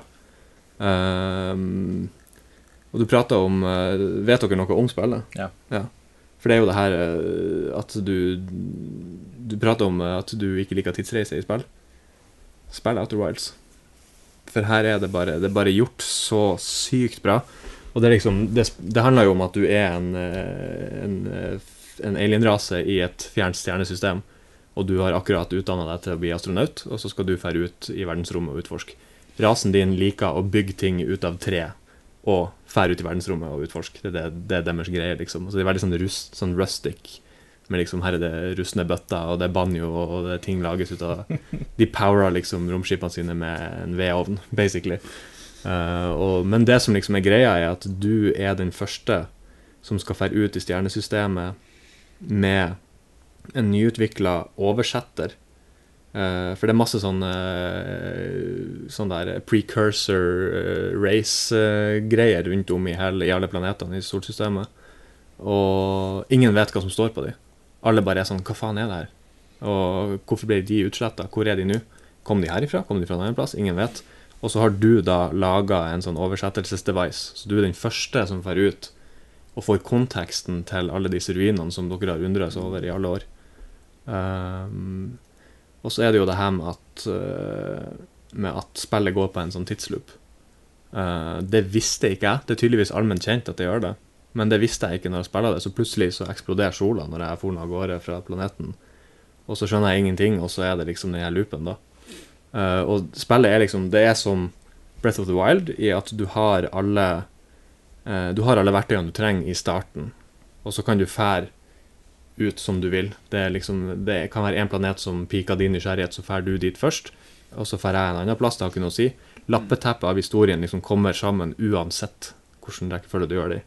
Og så er det litt som The Witness, i at alt bare er skreddersydd og går og bare jobber sammen. Alle planetene har sin egen logikk og sin egen fysikk som simuleres hele tida. Og det er litt Det eneste sammenligninga til No Man's Sky jeg har der, er at begge to minner om og bare fanga den følelsen og atmosfæren på coveret til et 50-talls science fiction-bok. Science fiction da. og den gjør det, bare, det gjør det bare så bra. Men i, sted, i, motsetning til No Man's Sky så er det jo håndlagde individuelle planeter. Som alle er unike på sine måter, og som alle har eh, en viktig altså, Det minner meg også litt om, om sånn eh, Spillet er en stor tradisjonell Zelda-dungeon i at alt bare jobber sammen, og mm. du piser sammen alt sånn. Men istedenfor at du får en item midt i som låser opp de siste delene, så er det sånne holy shit-øyeblikk du får på hver eneste planet, som bare rekontekstualiserer alt du lærer om hva som skjedde med den rasen, og hva som skjer nå, og med liksom hvorfor i faen er en tidsloop, hvorfor går hvorfor blir sola supernova, og måten de syr det sammen på, og unngår science fiction-troper og spilltroper og precursor race-troper og tidsreisetroper og alt sånt på. De bare, de bare syr det De bare liksom, de, de, får det i land på en så sykt elegant måte. Uh, som, som, jeg ikke har Det er litt sånn som Near, på, men på andre måter. Da, at det liksom det, det, gjør et sånn inntrykk, og det får meg til å kjenne på min egen dødelighet uh, når det begynner å nærme seg liksom slutten. For det er liksom Du dør jo hvert 20. minutt. Det er veldig skummelt for meg som uh, kryper nærmere og nærmere. ja, så du burde ikke spille det, men, ja. men ikke sant, hvis du, vil, hvis du, vil, stå der og føle ærefrykt over hvor liten og ubetydelig du er, midt oppi noe svært og veldig betydelig for hele universet samtidig, uh, og ha tidsreise som gir mening, uh, og kvantefysikk, som de gjør på en helt insane bra måte, så, så må, må dere spille det. Det er liksom, jeg, jeg klarer ikke å slutte Det er, ikke, det er sånn ei uke siden jeg spilte det ferdig, eller noe, men jeg tenker fortsatt på det mm. hele tida. det, ja, det, det, er tiårets beste spill for min del, rett og slett. Et spill som jeg fortsatt tenker på, er Disko Elysium. Mm. Eh, det har vi prata om i det lange og det brede eh, tidligere. Eh, noe, det har jeg hørt. Noe av det som jeg også liker med det spillet, er at det, det er et spill som kan det er en historie som kan være ulik for uh, The Eye of the Beholder. Uh, for meg så er det et spill om å feile. Om, å, om, å, være uperfekt, da. og det å lære å leve med det. og liksom kunne gjøre det beste ut av ting. Kunne klare å leve med at det er et samfunn rundt deg som kommer til å dømme deg for de tingene du gjør. Uansett hvor bra du gjør noe, så er det noen som vil synes at ikke det er bra nok. og det er en sånn det, det, det, det er en tøff ting å lære, liksom. At det, sånn er det bare. eh, Og det må bare kunne være greit av og til. Eh, eh, Det, er et spill som gjør vondt å spille. eh, Og eh, det kan jo være at det treffer meg litt, da, i det at jeg er litt sånn som Gjøran, at jeg er på vei inn i den der middelaldrende menn-gruppa. Eh, og det er jo litt der denne hovedpersonen er også. Eh, og den jo Denne hovedkarakteren kjenner jo sikkert veldig på en sånn eh, midtlivskrise inni der også. Eh, med overgangen ifra eh, Det er litt sånn eh, du, du vokser opp, og så har du på en måte eh, Du vet at du ikke er den flinkeste i verden i noe, eller noe sånt, men du har en sånn illusjon om at det fortsatt er en mulighet til at jeg kan bli fotballproff liksom, eh, og spille på de beste klubbene. og sånt. Eh, Men når du bikker en viss alder, så er det ikke lenger en teoretisk mulighet engang for det. Eh, Man er, man har på en måte passert den muligheten, og det, det er litt det dette spillet også tar opp. At det, det, det fjerde, du, ikke, du, du, du kommer aldri til å bli den supercapen som, som denne personen kanskje tenkte i hodet sitt at han var. Eh, så, så ikke bare på en måte eh, er det verden dømmer deg og syns at du er en mislykka person, men eh, du må liksom sjøl konfronteres med å innse at eh, ja, du blir faktisk aldri eh, den perfekte versjonen av deg sjøl heller. Eh, og må lære å leve med det. Så det, det er liksom noe av det. Det er veldig mye i dette spillet, eh, men det er noe av det. Ja. Hmm. Elysium er mitt tiårets beste spill. Det er det faktisk. Så Tiåret avslutta bra sterkt. Ja, Veldig. Veldig. Var det flere som hadde det på lista? Nei, dessverre ikke. Er det noen som har noe mer på lista? Bare runner-ups. Runner-ups. Da er det runner-ups. Skal vi ta en kjapp runde og nevne våre runner-ups uten kommentar? Bare dette er spillene jeg har hatt som runner-up, og så får man ikke lov å si noen ting om dem. Ja. Så de er nevnt. Ja. Jonas, skal du ta dine først? Mine runner-ups var uh, Red Dead Redemption, Minecraft, Persona 5, Tetris Effect og God of War. Susanne? Mine runner-ups var Gears of War 3, Borderlands 2, Titanfall 2, Wolfenstein The New Colossus og Control. Ja, eh, mine er da eh, Limbo, Path of Exile, Destiny, Bloodborne, Hellblade. Litt overraska at du ikke nevnte Limbo, faktisk. Eh, mine er Dishonored, Mario Kart 8, eh, Middle Earth, Shadow of Mordor, Horizon Zero Dawn og Super Mario Odyssey. Der var den. Jeg hadde LA Noir, Crusader Kings 2, Dragon Age Inquisition, Inside og Detroit Become Human. Helt overraska at du ikke hadde inside. Jørgen Ja, og Der måtte jeg velge mellom Limbo og Inside Ja. på et tidspunkt, og da ble det Limbo. Da har vi eh, to vinnere. Vi har eh, 2017 og 2018 som eh, delt førsteplass med åtte poeng hver. Eh, Det betyr Destiny 2 er et av tiårets beste spill. Ja, det betyr alle spillene på den lista er et av tiårets beste spill. Nei, nei, nei. Samtidig så kanskje, kanskje 2019 var det beste, siden to av oss hadde klare favoritter det året. 2019 var mediumår. Eller hvis man skal, Wow. hvis man skal gjøre eh, Marius skikkelig sint, så er The Last of Us det eneste spillet med tre stemmer. Yes. Jeg skal bare la det ligge der. Trenger ikke å si noe mer om det. Ja, altså McDonald's er veldig populært. Det betyr ikke at det er den beste burgeren. Det er mye bra shit. Masse bra spill. For et tiår, da. For et tiår. Men det er jo interessant at på ti år så er det eneste David Cachet-spillere en runner-up. David, kanskje? David, David Cage. Cage. Oh, ja. Nei, det er ikke så rart. Det er ikke så rart. Dave sier. Ja, nei, jeg, jeg er litt enig. Jeg, jeg syns ikke det er så overraskende. Det, det er litt sånn acquired taste, de spillene hans. Det er, sånn, det er mange kule konsepter og ideer, men det er jo ikke alltid like bra gjennomført, de spillene, syns jeg. Så, Det er liksom det inntrykket jeg har fått uten å spille et eneste spill. ja. Ja, David Cage er best når han ikke skriver spillet sitt, Mm. egentlig. Hvordan spiller spill er det? Finnes det, Hæ? finnes det noen spill som Ja, han har Detroit laget? er jo det spillet han har skrevet minst av. Selv om oh, ja, han har skrevet, okay. altså De dårligste delene av Detroit er David Cage, og de beste er det andre har gjort. Og, og det er nok det tighteste av de spillene, Ja, eh, tror jeg. det er Det tipper jeg David Cage hater at du sier. Ja, det gjør det nok. Ja, det er Vi vet du hører på David. Eh, sorry. oh, det er mye bra spill. Mye bra. Det blir spennende å se åssen eh, det neste tiåret blir. Mm. Ja, altså, vi vet jo at uh, Doom Destiny 2. Eternal kommer til å havne på lista neste tiår. Sånn er det bare. Cyberpunk. Ja. Last of Us Part 2. Ja, da har vi lista ferdig. Vi Og Super Mario Galaxy 3. Jeg vet ikke om det er gøy eller trist om vi sitter her igjen om ti år eh, og gjentar den satsen. Eh, Da er det bare sånne depresjonsspill om egen dødelighet igjen. bare Disco Elysium 2 og Outer Wilds 2. Altså, om ti år Om ti år så er du fortsatt ikke like gammel som jeg er nå. Det er litt deilig. Det var, takk. Det setter jeg pris på at du sier. Det blir, det blir fint for Jonas da, å sitte her om, for å oppsummere neste ti år. Er du yngstemann? Ja. Det er jeg vel. Jeg veit at jeg ser ut som yngstemann, men jeg er faktisk ikke det. Ja. Nå Ja, ser du på, Jeg ser tenkte når du kom inn, Er det lov for deg å ha kids i det hele tatt? Eller burde, er det noen jeg må ringe til? Som ti, ti år så er det en av sønnene hans som sitter her. Eh. Fordi han har gått bort? Er det det du sier? Altså, Alt kan skje. Alt kan skje. det er arverekke og sånne ting. Ja. Mm. Og på den dystre tonen Nei, det var, dette var kjempeartig, folkens. Det er alltid gøy å Mm. kunne se dere i øynene eh, når jeg snakker drit om spillene dere er glad i. Det setter jeg pris på. Veldig bra innslag, Jonas. Ja, Yes. bra. Absolutt. Takk for eh, studio og arrangement òg.